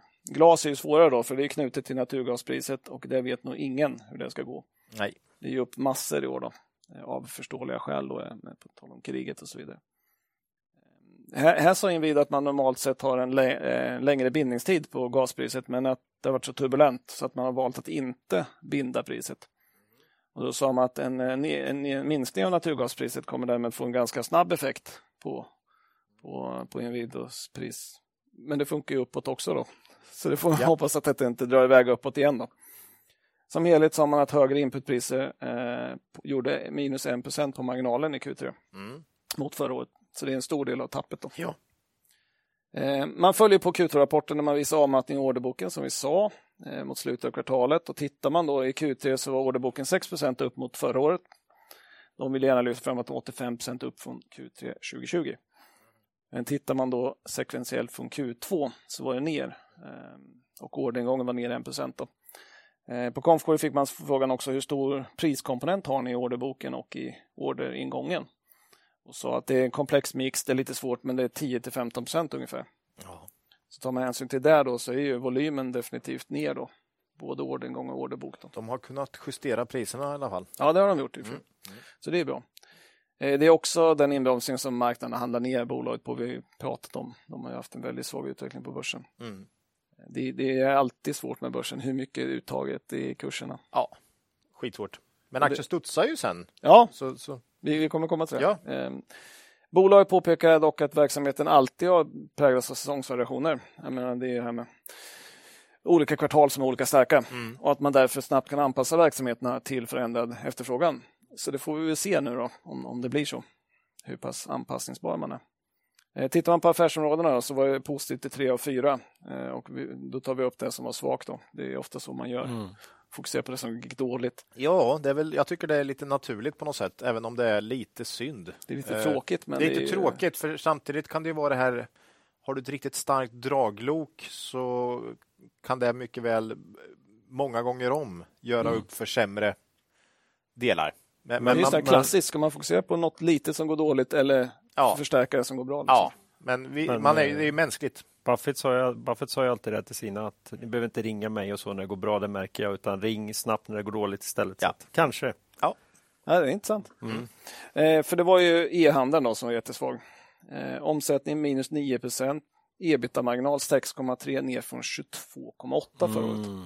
Då var den ju väldigt hög, det har vi pratat om för massa e-handelsbolag. Så e-handelsdelen hade problem. Eh, det hade man ju första halvåret och då sa man att det var kapacitetsproblem i Estland där för med den här fabriken. Men det sa man, det var inte nu problemet utan nu var det mer försiktiga konsumenter istället. Ja, men det har man ju sett på många e-handlare så att säga, ja. att det ser tufft ut. Så att, men eh, ja, vi har sagt det förut, det var inte den här utvecklingen man såg framför sig när man började säga redovisa e-handel. det är så typiskt hur många som har börjat redovisa e-handel och mm. e-handelns andel i sina rapporter och under 2021. Att, och, och nu och nu. Man vill vara transparent. Ja. Man får lättare komst nästa år i alla fall. Ja. Eh, men vi får, vi får, man får följa upp det i Q4, men det lär nog inte bli några jättestora förbättringar till Nej. Q4. Eh, vi tycker inte rapporten ändrar bilden av Inwido egentligen. Eh, man får zooma ut lite grann, titta långa perspektivet. De noterades september 2014. Försäljningen har gått upp 85 procent, 8 procent i snitt. Ebitda-resultatet upp 100 procent, vinst per aktie upp 300 procent. Noteringskurs 68 kronor, kurs nu 100 kronor, 47 procent upp. Då kan man säga att kursen har därmed stigit inte alls lika mycket som nyckeltalen då. Eh, och följaktligen är värderingen nu klart lägre mm. än vid noteringen. Och då tycker vi ändå att de har presterat bra, vilket ja. då på något sätt gör att äh, men de har en historik att hålla sig i. Mm. Noterades hade man EV sales på alltså bolagsvärde till försäljning på 1,3, EV ebitda på 10. Nu ligger man alltså EV sales 0,76, EV ebita 5,4. Så 40 till 50 läge trots tycker vi är bra eh, utveckling på verksamheten mm. Mm. sen notering. Men det visar väl om något att marknaden har ställt ner förväntningarna en hel del på Inwido. Ja, på konjunktur. På konjunktur, oro, allmän oro. Man ska också säga, jag vet inte om de är det, men det är också det här att balansräkningen var ganska svag eh, 20 16, 17, 18. Medan där har man ju verkligen senaste åren betat ner så att du har ju en bra balansräkning nu också. Det där är intressant för det är många bolag som, som, som var just den situationen som ja. har kunnat nyttja Ja, då är Byggmax som ett Byggmax bra, bra exempel. exempel. Mm. Mm. Ja. Men det finns ju en hel del andra också. Ja. Eh, framförallt de som inte sprang iväg mm. och köpte massvis med bolag när det var svindyrt att köpa bolag. Eh, vi hade tvärtom i BOG. Liksom, Sen hade du faktiskt den här att man inte fick då inom citationstecken dela ut pengar mm. 2020. Så hade du bra 20 pandemiår där så vart det ju mm. en dubbel effekt då. Så att, mm. Det är alltid intressant med en balansräkning. Alla klagar på Volvo varje gång det är högkonjunktur och sen varje gång det är lågkonjunktur säger fan vilken tur att ni har så stark balansräkning. det, det, är lite roligt. Det är ja, lite det är kul. Det är som att det är nya människor varje gång mm. som kommer in och, och, och börjar. Är väl lite Kabe också. Ja. Eh, liksom, vad, vi, gör, vi kan göra vad vi vill.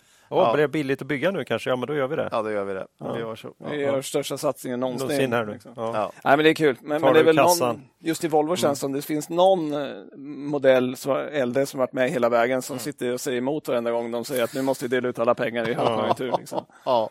Det är kul. Ja. Eh, nej, men, eh, intressant som du sa, reaktion på rapporten. Mm. Föll 4 i början, stängde 3% upp och fortsatte upp dagen efter. Mm. Det är lite ovanlig ja. kursreaktion. Eh, vi, vår tolkning var att det var någon faktiskt större som köpte in sig lite grann. Får se om det är någon som flaggar upp sen. Eh, kurs i år då, 46% ner, trots att man ökar vinst per aktie. Ja, det, det vittnar om att det är rädsla framåt. Ja, såklart. Eh, så, det, så, att marknaden är lite orolig vad som ska komma.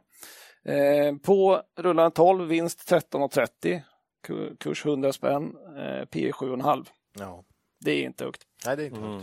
Men då tror man ju på vinstminskning eh, och vi sa att det är inte lätt att gissa nästa år. Nej. Vi då Nej. nästan svårare än för en del andra faktiskt. Vi har gissat på 10,50, eh, P 9,5. Eh, det är fortfarande inte farligt och då har vi vinsten ner ganska ordentligt. Vi, vi, tycker också att man borde kunna rida lite grann på den här trenden med effektivitet, energieffektivisering. Mm. Det är ändå så att man, man, en av de sakerna man kan räkna lite grann på är ju fönster. Ja. ja, men den är viktig. Vi ska ju ta upp eh, Nordic, Nordic Waterproofing lite eh, senare. Och det är ju en skillnad i hur vi ser på de här bolagen. Att här har ju Inwido någonting som verkligen, verkligen är i ropet på riktigt. Och fönster är någonting som man som står för en jättestor del av energiförbrukningen. Och du kan göra enormt stor skillnad med ett modernt fönster mot ett inte jättegammalt fönster. Så den, den, den känns inte orimlig. Nej, det, men det är inte många som tänker på det så. Och jag tror att byta fönster är kanske ett litet jobbigt ingrepp. Det är mm. lite större än att sätta in en uh, värmepump. Mm. Eller? Ja, ja, men om du står man nu och har ett uh, renoveringsbehov så att säga i ett fastighetsbestånd mm. och så ska man ändå prioritera. Jo, man, det, jo, det, går nog ganska snabbt att prioritera om nu och ja, då fönster lär ju liksom bara ja. rusa uppåt mm. i prioriteringsordningen här. Nej, ja, men så är det nog. Mm. Eh, däremot om du är en privat ja. och så tänker du, aha, hur fanken ska jag spara el? Då kanske mm. du inte byter fönster det första jag gör. Men, Nej, men, men, och du vet inte ens om du kommer kunna betala elräkningen, så då kanske du inte vill ta den Nej, kapitalkostnaden. Så, så, där har du. Men, men ja. med lite större perspektiv så är ju det definitivt, det lär ju åka upp i prioriteringslistan. Så, så är det ju. Mm. För, så, ja. Mm. Ja, på, på tal om gissa, idag ja. är det gissa-podden. Ja, ja, och det är mm. inte fel ibland. Nej, Nej. får man ha. Ja. Kul vi är väl ganska tydliga med att vi kallar det gissningar ofta för vi, det är ingen som vet. Nej. Tänk om vi hade vetat det. Ja, Ja, det är som vanligt. Ja, det var fantastiskt. Ja. Alla som... Men inte så roligt dock. Nej, det är sant. Shit vad tråkigt. Det är ungefär som den här, är det, är det Tillbaka till framtiden, man ska hämta den här ja, sport, bet, sport ja. Han har alla resultat. Han har resultat. Men liksom, hur roligt är det att tippa då? det är inget roligt. Nej. Jag brukar säga det i golf ibland. Tänk om man träffar varje slag, hur kul kan det vara? Nej, precis. och sen tänker jag efter, det vore ju skitkul för då kan man vinna varenda tävling. Jo. Det gör man ju fan inte nu kan jag säga. Nej. ja, nej men eh, Inwido då. Ja. Eh, man delade ut 6,15 förra året då. Eh, gör ju ökad eh, vinst eh, för 2022 stark finansiell ställning så vi gissar på att man faktiskt behåller det där. Eh, direktavkastningen lite över 6 procent då. Så det är ju bra. Ja. Eh, ja, vi äger fortfarande aktierna i Inwido. Mm. Eh, det är väl tyvärr dock den som har gått sämst av våra aktier som vi ja. har i portföljen just nu. Vi har överlag inte gjort så jättemycket. Vi har hållit kvar väldigt många av våra aktier under ja. Q3. Mm. Ja. ja, vi, vi väntar ut den. Ja. Eh, typ. Ja, kan ta några år, men det, mm. det får vara som det är. Eh, det var Inwido. Vi går ju vidare då till Kindred som utlovat, iGamingbolaget som likt Rocky tar smäll efter smäll från olika regleringsmyndigheter men vägrar att lägga sig ner eller ens be om ursäkt för sin business. va? Mm. Hur går det med allt Ola? Ja. Avsnitt 125 ska jag säga. Senast. De, ja, precis. Eh, Kindred har väl mer tagit den här vägen att eh, fokusera på reglerade marknader fullt mm. ut. Eh, och, och då gör det ont? Ibland. Ibland gör det ont. Eh, men ja. Men, det går ändå. Det går ändå. Det är ont som, som, som Lena PH mm. sjöng. Va? Mm. Mm. Eh, Q3 var ganska odramatisk och då ska man ju veta att man redan på kapitalmarknadsdagen i mitten på september släppte en prognos mm. för Q3. Så när rapporten väl kom in här inline så blev ju inte det något super. Nej. stort här. Viktigt dock, eh, Q3 här var ju sista kvartalet, precis som du sa, där jämförelsesiffrorna innehöll intäkter från Holland. Då. Mm. Och det är ju en stor grej för dem. Ja, om det, om det var stort för Betsson så var det ju gigantiskt för Kindred då, mm. som hade väldigt stor del av sin vinst där. Så här insåg man ju ja. lite i efterhand. Mm. Eh, man tvingades ju stoppa sin aktivitet där i väntan på licens. Då. Där har man ju fått den. Mm. 4 juli är man igång. Betsson har ju än så länge vad jag vet inte rullat igång igen. Det är lite intressant, de pratar nästan inte om det överhuvudtaget. Nej, eh, så här har man ju verkligen agerat lite olika. Då. Jo, Betsson nämnde att man svarade på lite frågor ja, man hade fått. Mm, men man gjorde ingen stor... Det här var ju helt... Det här kändes som... Ja. Alla pratade om det här i Kindred. Ja. När ska ni... Alltså... Mm. Alltså, det blir bara mer och mer imponerande att Kindred fick loss sin så ja. snabbt. Ja. De har verkligen lagt krutet ja, på det. Verkligen. Och gjort det bra. Man är mm. igång 4 juli, mm. det vill säga precis i början på Q3. Mm. Slutet på Q3, 137 000 aktiva kunder i landet och man räknar med att uppnå en marknadsandel på 15 procent i det fjärde kvartalet. Mm. Det är på ett halvår. Det här tycker jag ändå vittnar om att man säger operatörer finns ingen mot ingenting, utan här, det här är ett varumärke helt tydligt. Mm. Där folk, det finns i medvetandet. Annars hade man inte kunnat ta 15 procent marknadsandel på några månader. Nej, Nej jag håller med. Jättestarkt. Så uh, jag tycker Men det är ett av de vanliga varumärkena. De har inget speciellt varumärke i... Nej, jag tror det är Unibet. Ja, det, också Unibet. det är Unibet. Ja, jag tror det. Ja, jag, jag har inte sett något annat. Eh, nej, men det är ganska intressant vad gäller varumärken och betting mm, i stort mm. också. Hur man kan få en eh, top of mind så att säga. Mm. Ja, men ska jag spela så spelar jag på Unibet. Va? Så nu när de rullar igång igen så har det men gått. det är väl det här med appar också. Har du laddat ner appen en ja. gång så har du den i telefonen. Alltså, ja. du, kan, du kan ju den. Mm. Det är lite som de försöker ändra orderläggningen hos, på vissa, vissa mäklare. Hos vissa mäklare. Ja, det, ingen, ingen nämnd och ingen glömd. Nej. Eh, då, då, då, då reagerar man ju lite ett tag. Så att, Men sen blir man van man, vid det. Man, man, är ju så himla van. Ja, man är ju det. Ja det, är ju, det som man har, det vet man. Jag går ju alltid omkring, varje dag är jag lite, lite orolig för att det ska ske en större förändring i Excel, för då skulle hela min karriär, hela, hela, min yrkeskarriär skulle ju vara, skulle ju vara förbi. Va? Ja. Skulle inte gå och hämta sig för en sån. Ja. ja. Nej, men Holland, man mm. är verkligen på väg tillbaks då. Va? Mm. Eh, och intressant är ju nu att man är på väg tillbaks samtidigt som det inte finns jämförelsesiffrorna från och med nu. Då. Mm. mm. Trading-updaten för det fjärde kvartalet visar också på det här då. Eh, plus 27 procent ja. eh, till och med den 23 oktober. Och Det är då jämfört med snittet för Q4 som helhet då i snitt. Holland säger man är ju den största delen här. Exklusive Holland var ökningen 6 procent. Och det är bättre än tidigare år. Jag för man har legat minus. Man har legat minus, även, så att det övriga har inte gått så bra heller. Mm. det har inte mm. varit kul för Kindred helt enkelt. Det har varit eh, tufft. Men nu ökar man ex, ex Holland och Holland eh, är ju tillbaks mm. på väg mer och mer. Q4 kommer innehålla VM var du inne på här också. Och här är andra halvan då av kvartalet. Så det är liksom inte orimligt att tro att tillväxten för kvartalet skulle kunna bli högre än de här 27. Mm. Eh, I och med att det är kvar då.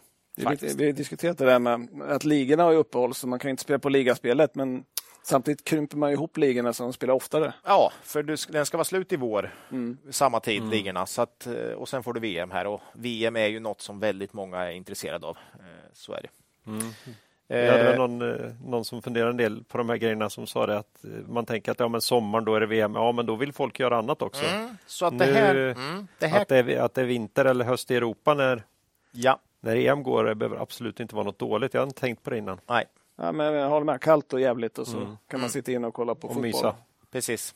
Sen är det ganska viktigt att hålla koll på vilka länder då som är med också. Mm. De sa ju att Belgien hade gått ganska svagt i Q3. Då jämfördes det med EM förra året och Belgien gick ju väldigt långt i EM. Mm. Det vill säga de hade jättesvåra jämförelsetal för belgarna spelar ju mm. mycket mer då. Ja. Så det är ändå viktigt. Italien är inte med i... Jo, det kanske de är. Nej, nu, nu, nu... Jag kommer inte ihåg. Nej, jag, jag tror inte de är med. Jag tror inte de är med. Nej, men alltså, eh, hålla, det är viktigt, med, det är alltså. viktigt att de, Frankrike är ju de stora, så att det är viktigt att se vilka länder... Samtidigt ska de väl inte vinna för mycket, för det är det som alla spelar på. nej, nej, men så lite viktigt, för det gör ju att det landets befolkning är mer engagerade såklart. Mm. De ska, men, gå, de ska ja. gå vidare med en vinst och två år. Don't go in there. Ja, det, hur som helst, många tror att det här blir positivt för spelbolagen ja. i alla fall. Mm. Eh, går man in på enskilda marknader i Q3 så sticker faktiskt Sverige ut Ja. som positivt. Eh, Även Frankrike. Sverige plus 29 procent, Frankrike plus 24. Mm. Eh, Så det är ju starkt. Då. Negativa vågskå- vågskålen, Belgien då som jag sa, nedgång 16 procent. Då sa man ju då att de gick långt förra året och hade tuffa jämförelsetal. Sen får man ju ändå säga Nordamerika här. Eh, Man måste ju lyfta det här nu tycker jag.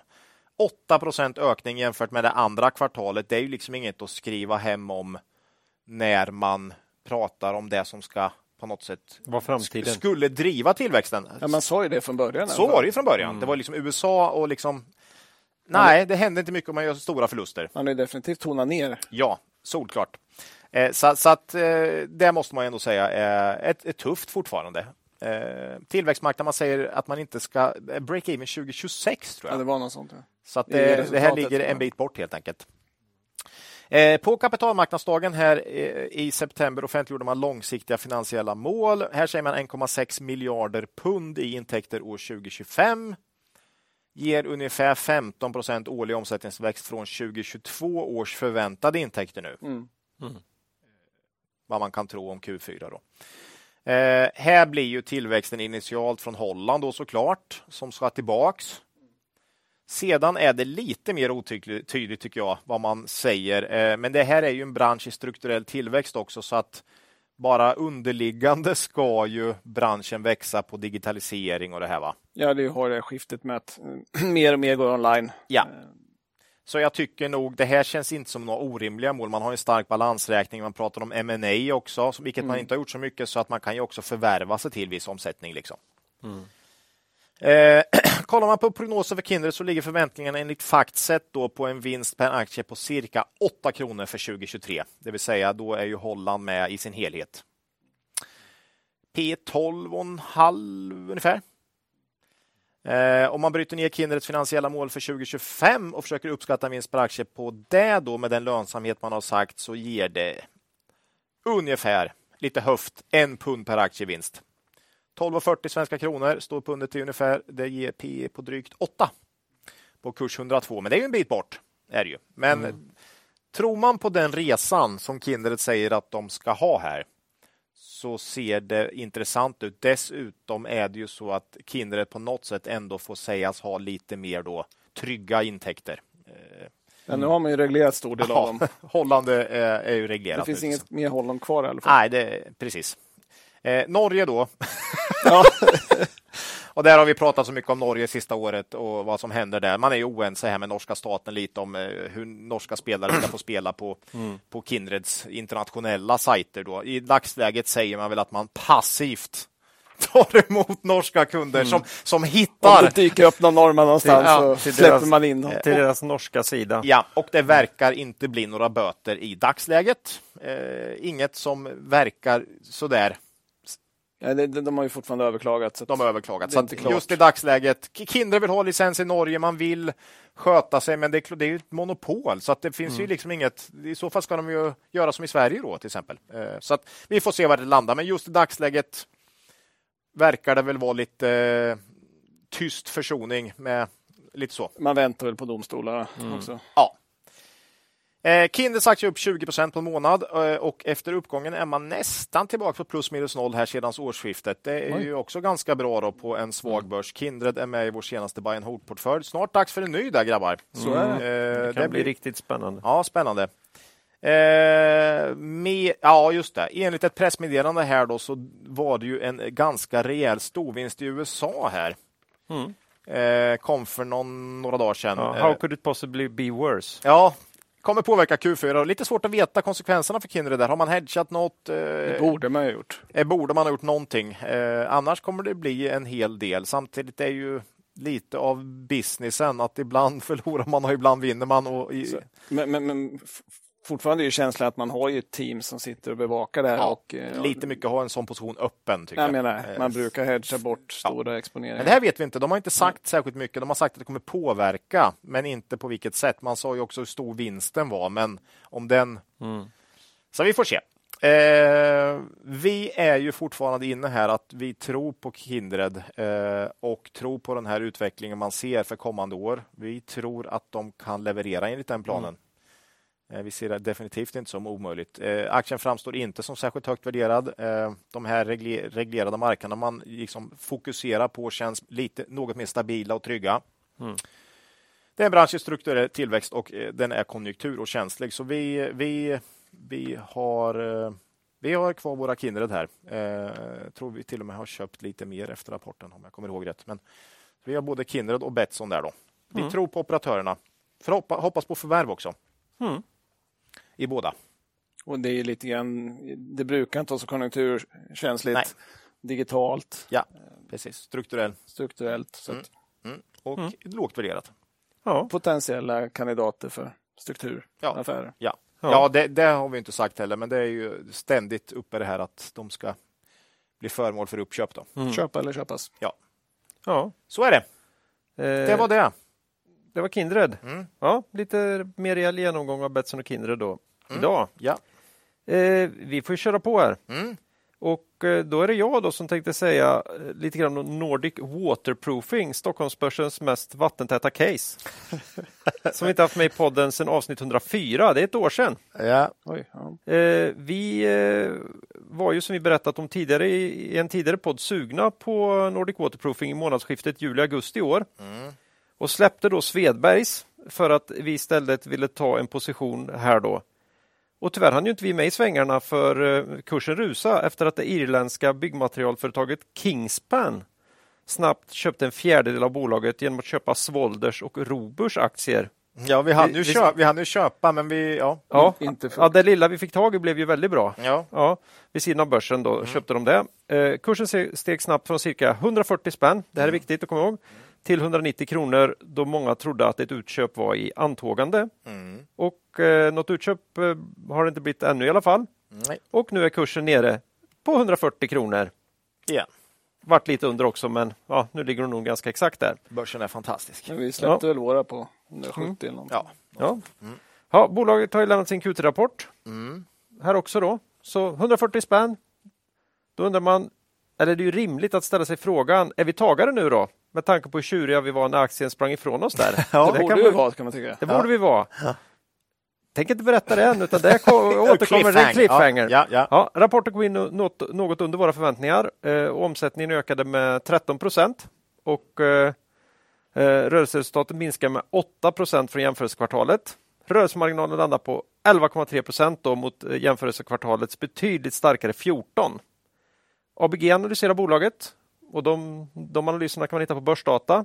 Och vi och ABG delar i stora delar våra förväntningar inför rapporten och därför så ja, det blev lite av en besvikelse ändå. Och det är ju här på marginalsidan. Vi hoppades att de skulle kunna hålla i 12-13 procents marginal. Eh, Nordic Waterproofing hade ändå lyckats hålla uppe då rörelsemarginalen över 14 procent i Q2 här, vilket ingav hopp. Eh, sen har vi det här med energipriserna som de är beroende av oljepriserna. Är de beroende av rågummi? Är de beroende av mycket här va? Mm. Jag måste bara säga, det, det, är inte helt ovanligt i en del, ganska många bolag vi tittar på, mm. att, att eh, marginalpressen har kommit i Q3. Mm. Att det tog lite längre tid än man trodde att det slog igenom. Ja, men, ja, men, ja. Att, det är alltid de här fördröjningarna som finns. Mm. Eh, det är viktigt att komma ihåg det där. Eh, ja, det har varit volatilt här i alla fall. Eh, så att det är ju egentligen alltså det är svårt att ha några egentliga förväntningar överhuvudtaget. ja, men alltså på bolag som använder, alltså de använder både olja och el i jo. ganska stora mängder. Man får kanske säga att ja. på fem år blir, mm. är det säkert tillbaka. Ja, ja, ja. Men, just nu är det jäkligt ja, Just nu är det svårt. Att det sker ju en eh, inbromsning i marknaden är ju tydligt. Den organiska omsättningstillväxten här var 4% men bestod av komponenterna volym minus 9 procent. Mm och ökat försäljningspris plus 13 procent. Och utöver det då så hände lite andra grejer. De hade en eh, positiv eh, valutaeffekt på 4 procent och sen hade de 5 procent förvärv här. Men de skriver det i rapporten väldigt tydligt. De säger det. Ja, jag tänkte återkomma till det, men ja. att eh, vi kan ta det här och nu. Det var ja. lämpligt. Guldstjärna. Ja. Det är otroligt tydligt. Mm. Och, och klarar du inte av att läsa det så, så visar de det även grafiskt. ja, så att all, ingen ska kunna missa. Det går inte att bomma. Nej, det går inte att bomma hur, vad, vad som händer här så att säga. Det, det är bra för det är väldigt intressant just nu ja. hur det ser ut. Och, men det få bolag som ger det så tydligt. Ja, och, i, och ibland så kanske vi inte hade brytt oss så mycket men just nu är man ju jätteintresserad ja. av att se vad är det som är underliggande här och mm. där vi pratar pricing power. Jag kommer väl åter till det här att vilken möjlighet har man så att säga att kompensera för ökade kostnader? Då? Men, men vi gillar transparens ja. vit kamel till dem. Då. Mm, det blir vitt. Det blir vitt. Eh, nej men, eh, det med förvärv då är lite intressant. Vi diskuterade ju för ett år sedan då, när de var med senast om den här höga värderingen bolaget då hade berodde på en eventuell ESG-stämpel eller om investerarna börjar knuffa in dem i det här serieförvärvarfacket. då, eller både och. Då, ja, då. Ja, ja, eller både och. och. Det var det hetaste som fanns på börsen då, utöver SBB och mm. andra heta fastighetsbolag. Mm. Känns som att de var på väg i båda facken. Ja. ja. Eh, och idag är intresset både runt serieförvärvarna och ESG-bolagen som bekant betydligt svalare då, så vi kanske, kanske inte ska tänka, ja, vi kan lämna det lite därhän. Mm. Och Nordic Waterproofing har ju lugnat ner sig betydligt när det gäller förvärv under 2022. De har varit få och de har varit små. Eh, men man har kikat dit åt Finland med två förvärv i alla fall. Och mitt, min favorit här då, det är ett av de två finska förvärven som heter EG Trading Oy som producerar sedum. Vet du vad det är? Nej, serum har jag lite serum, koll på. Ja, det, det är organiskt. Ja. Sedummattor är en organisk takbeläggning med små fetbladiga växter mm. som kan hålla mycket vatten och är relativt vackert att titta på tycker jag. Aha. Halmtak hade jag koll på. Men, har ni inte sett sedumtak? Typiskt på platta tak är det jo, inte alls jo, ovanligt. Jo, jo. Mm.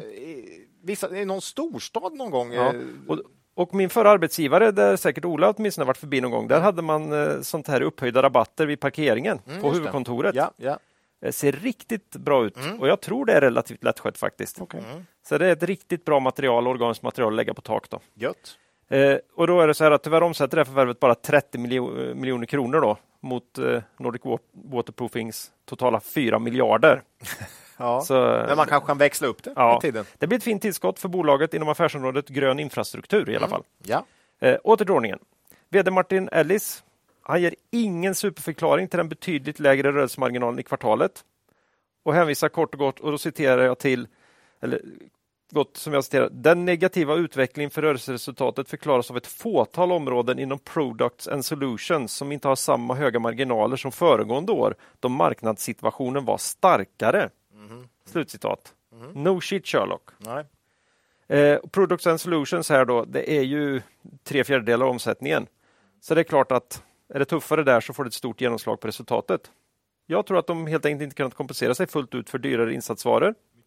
Trots en ändå ganska tydlig pricing power på, sin, på sina marknader här. Då. Ja, för här är installation som har varit lite, haft lite svårare för med de senaste mm. rapporterna. Men det var helt ja. okej. Okay. Yep. Men det är ju 25 procent då. Så att, ja. mm.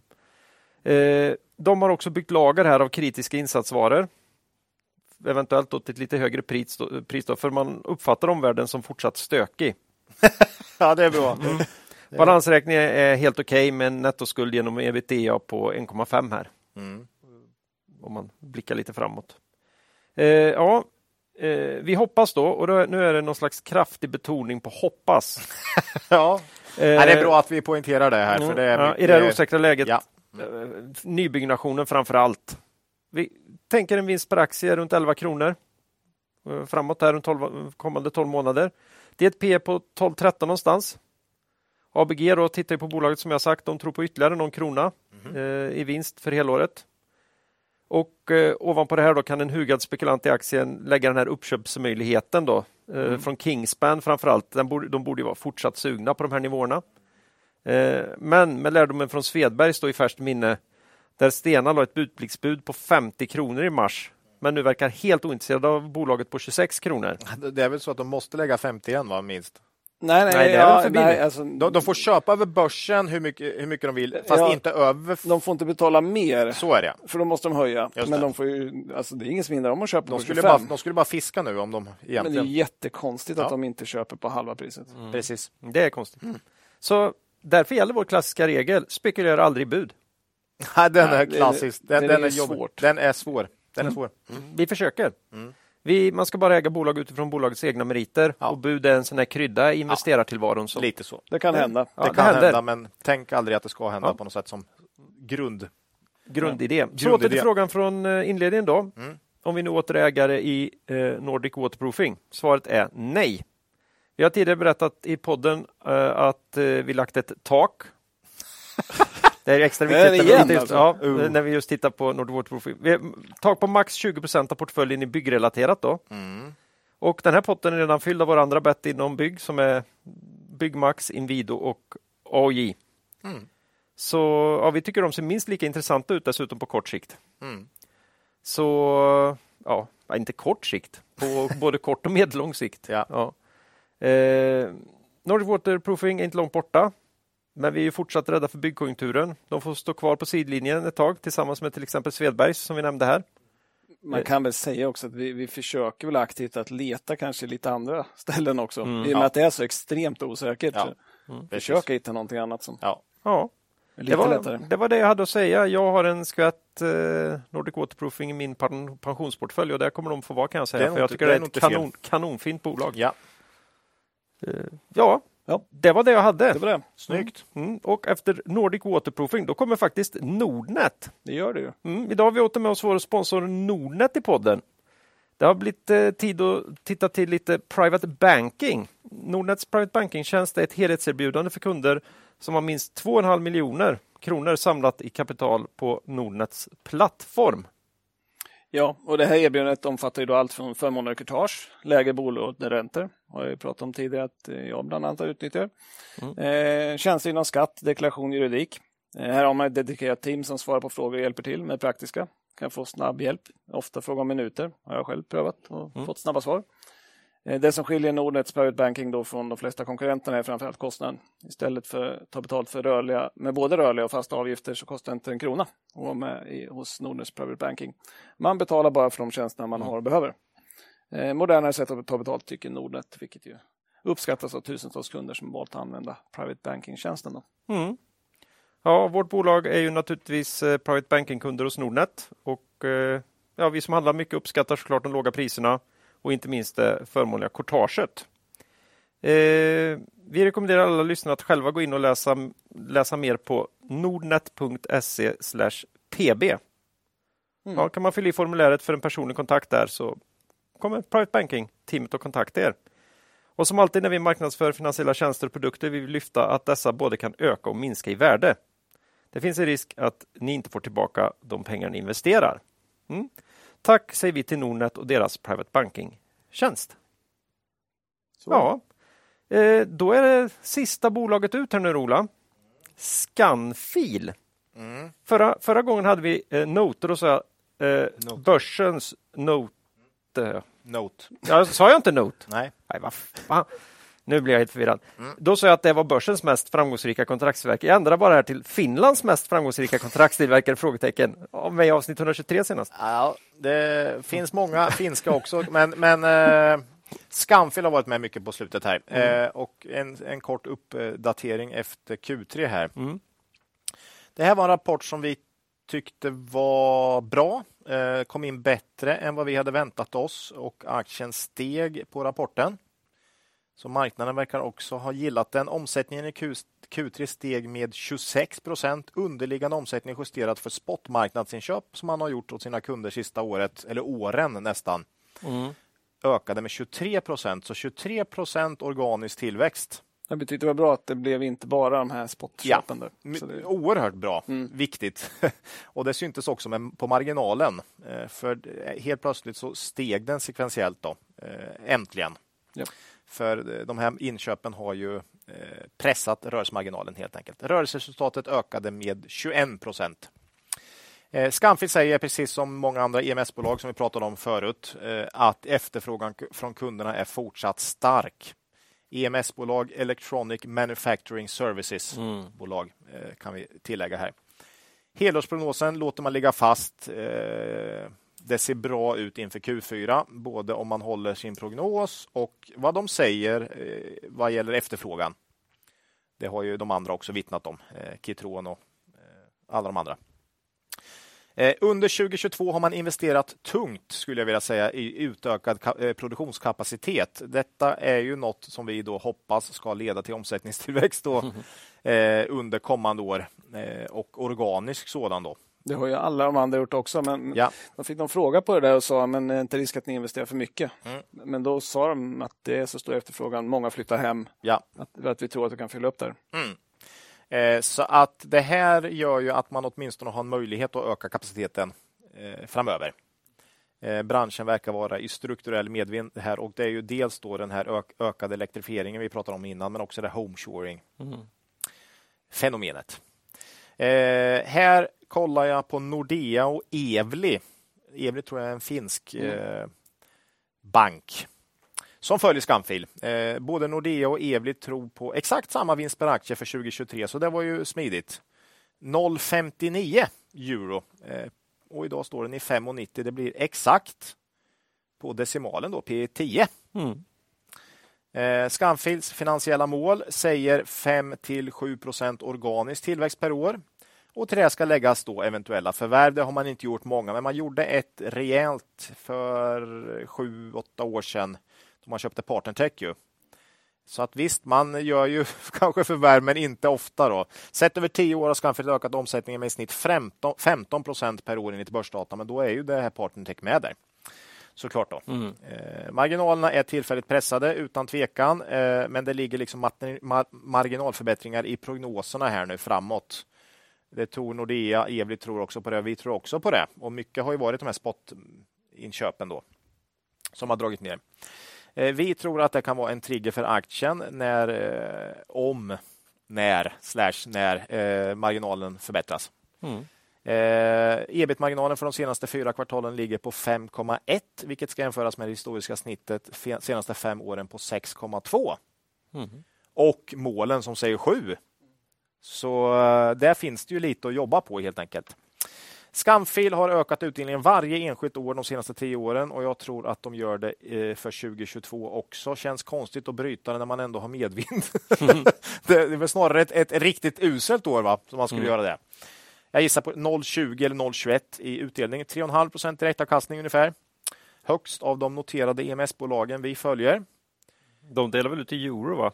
Ja. Så SEK blir en höjning. Det kan jag nästan garantera Ola. Alltså. Det kan jag nästan garantera. Ja. ja. På P10 här då skulle jag vilja påstå att Scanfil är bland de lägst värderade eh, noterade EMS-aktörerna i Norden, kanske lägst till och med. Eh, vi tror marknaden har en för negativ syn på Scanfils långsiktiga tillväxt, där den organiska tillväxten har varit lite lägre sista åren.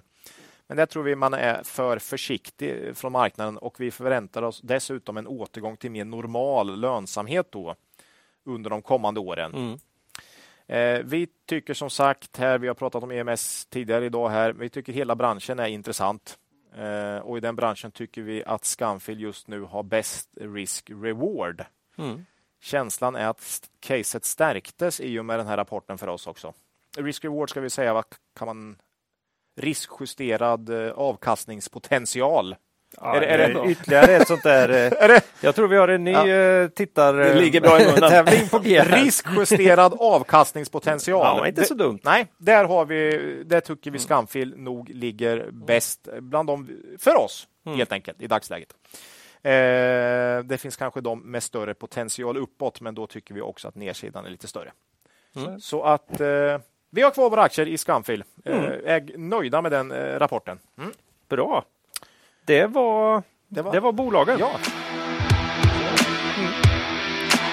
Eh, lyssnarfråga har vi ingen då det är rapportperiod. Men om våra lyssnare ändå vill få svar på lite frågor och kanske riktigt bra svar gällande värdeinvestering eller vill sprida det budskapet i sin omgivning mm. så finns det en extra bra möjlighet nu då. För Jan på Sterner förlag som ger ut flera böcker om investeringar mm. Men framförallt då den vi vill tipsa om här då, det är ju eh, poddbekanta Ludvig Rosenstam Åmans fantastiska 101 tankar om aktier. Så Sterner förlag ger nu alltså inför julen en rabattkod på 20% till alla våra lyssnare. Man anger bara koden JUL 2022 när man handlar på sternerförlag.se och det stavas ju då med sternerforlag.se. Det är en här. Eh, ska det fungera hur bra som helst. Eh, jul 22 alltså. Eh, rabatten fungerar för övrigt på alla böcker, så finns att köpa på sajten.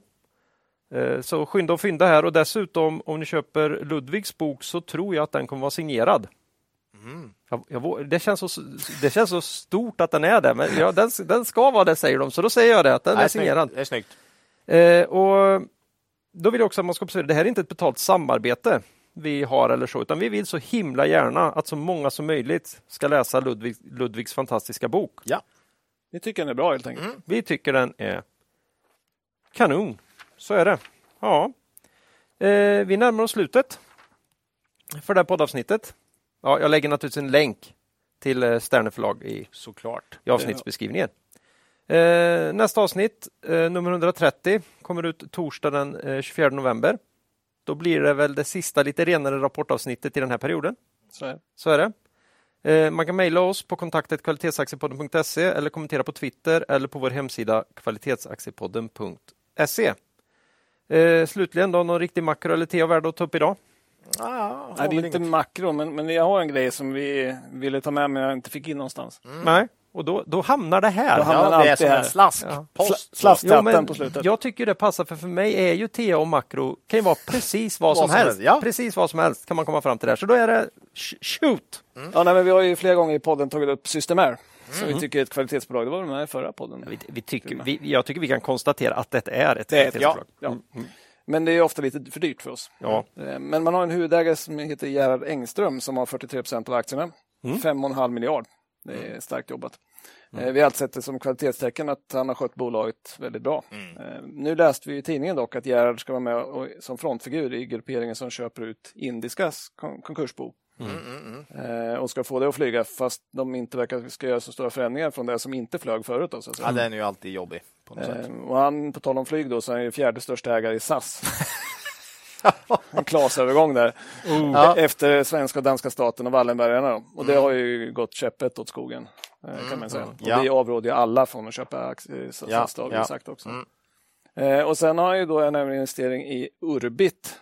Det lilla cykelleveransbolaget på First North som kraschade med 90 procent den dagen då huvudägaren Lager Jonasson tvångssålde alla sina aktier. Så nu undrar vi lite grann, vad håller Gerhard på med? Det känns som att han slaskar bort lite av sina utdelningspengar i, i massa eh, skräp. Alltså. Ja, vi vet inte riktigt, vi tycker Nej. det är lite konstigt.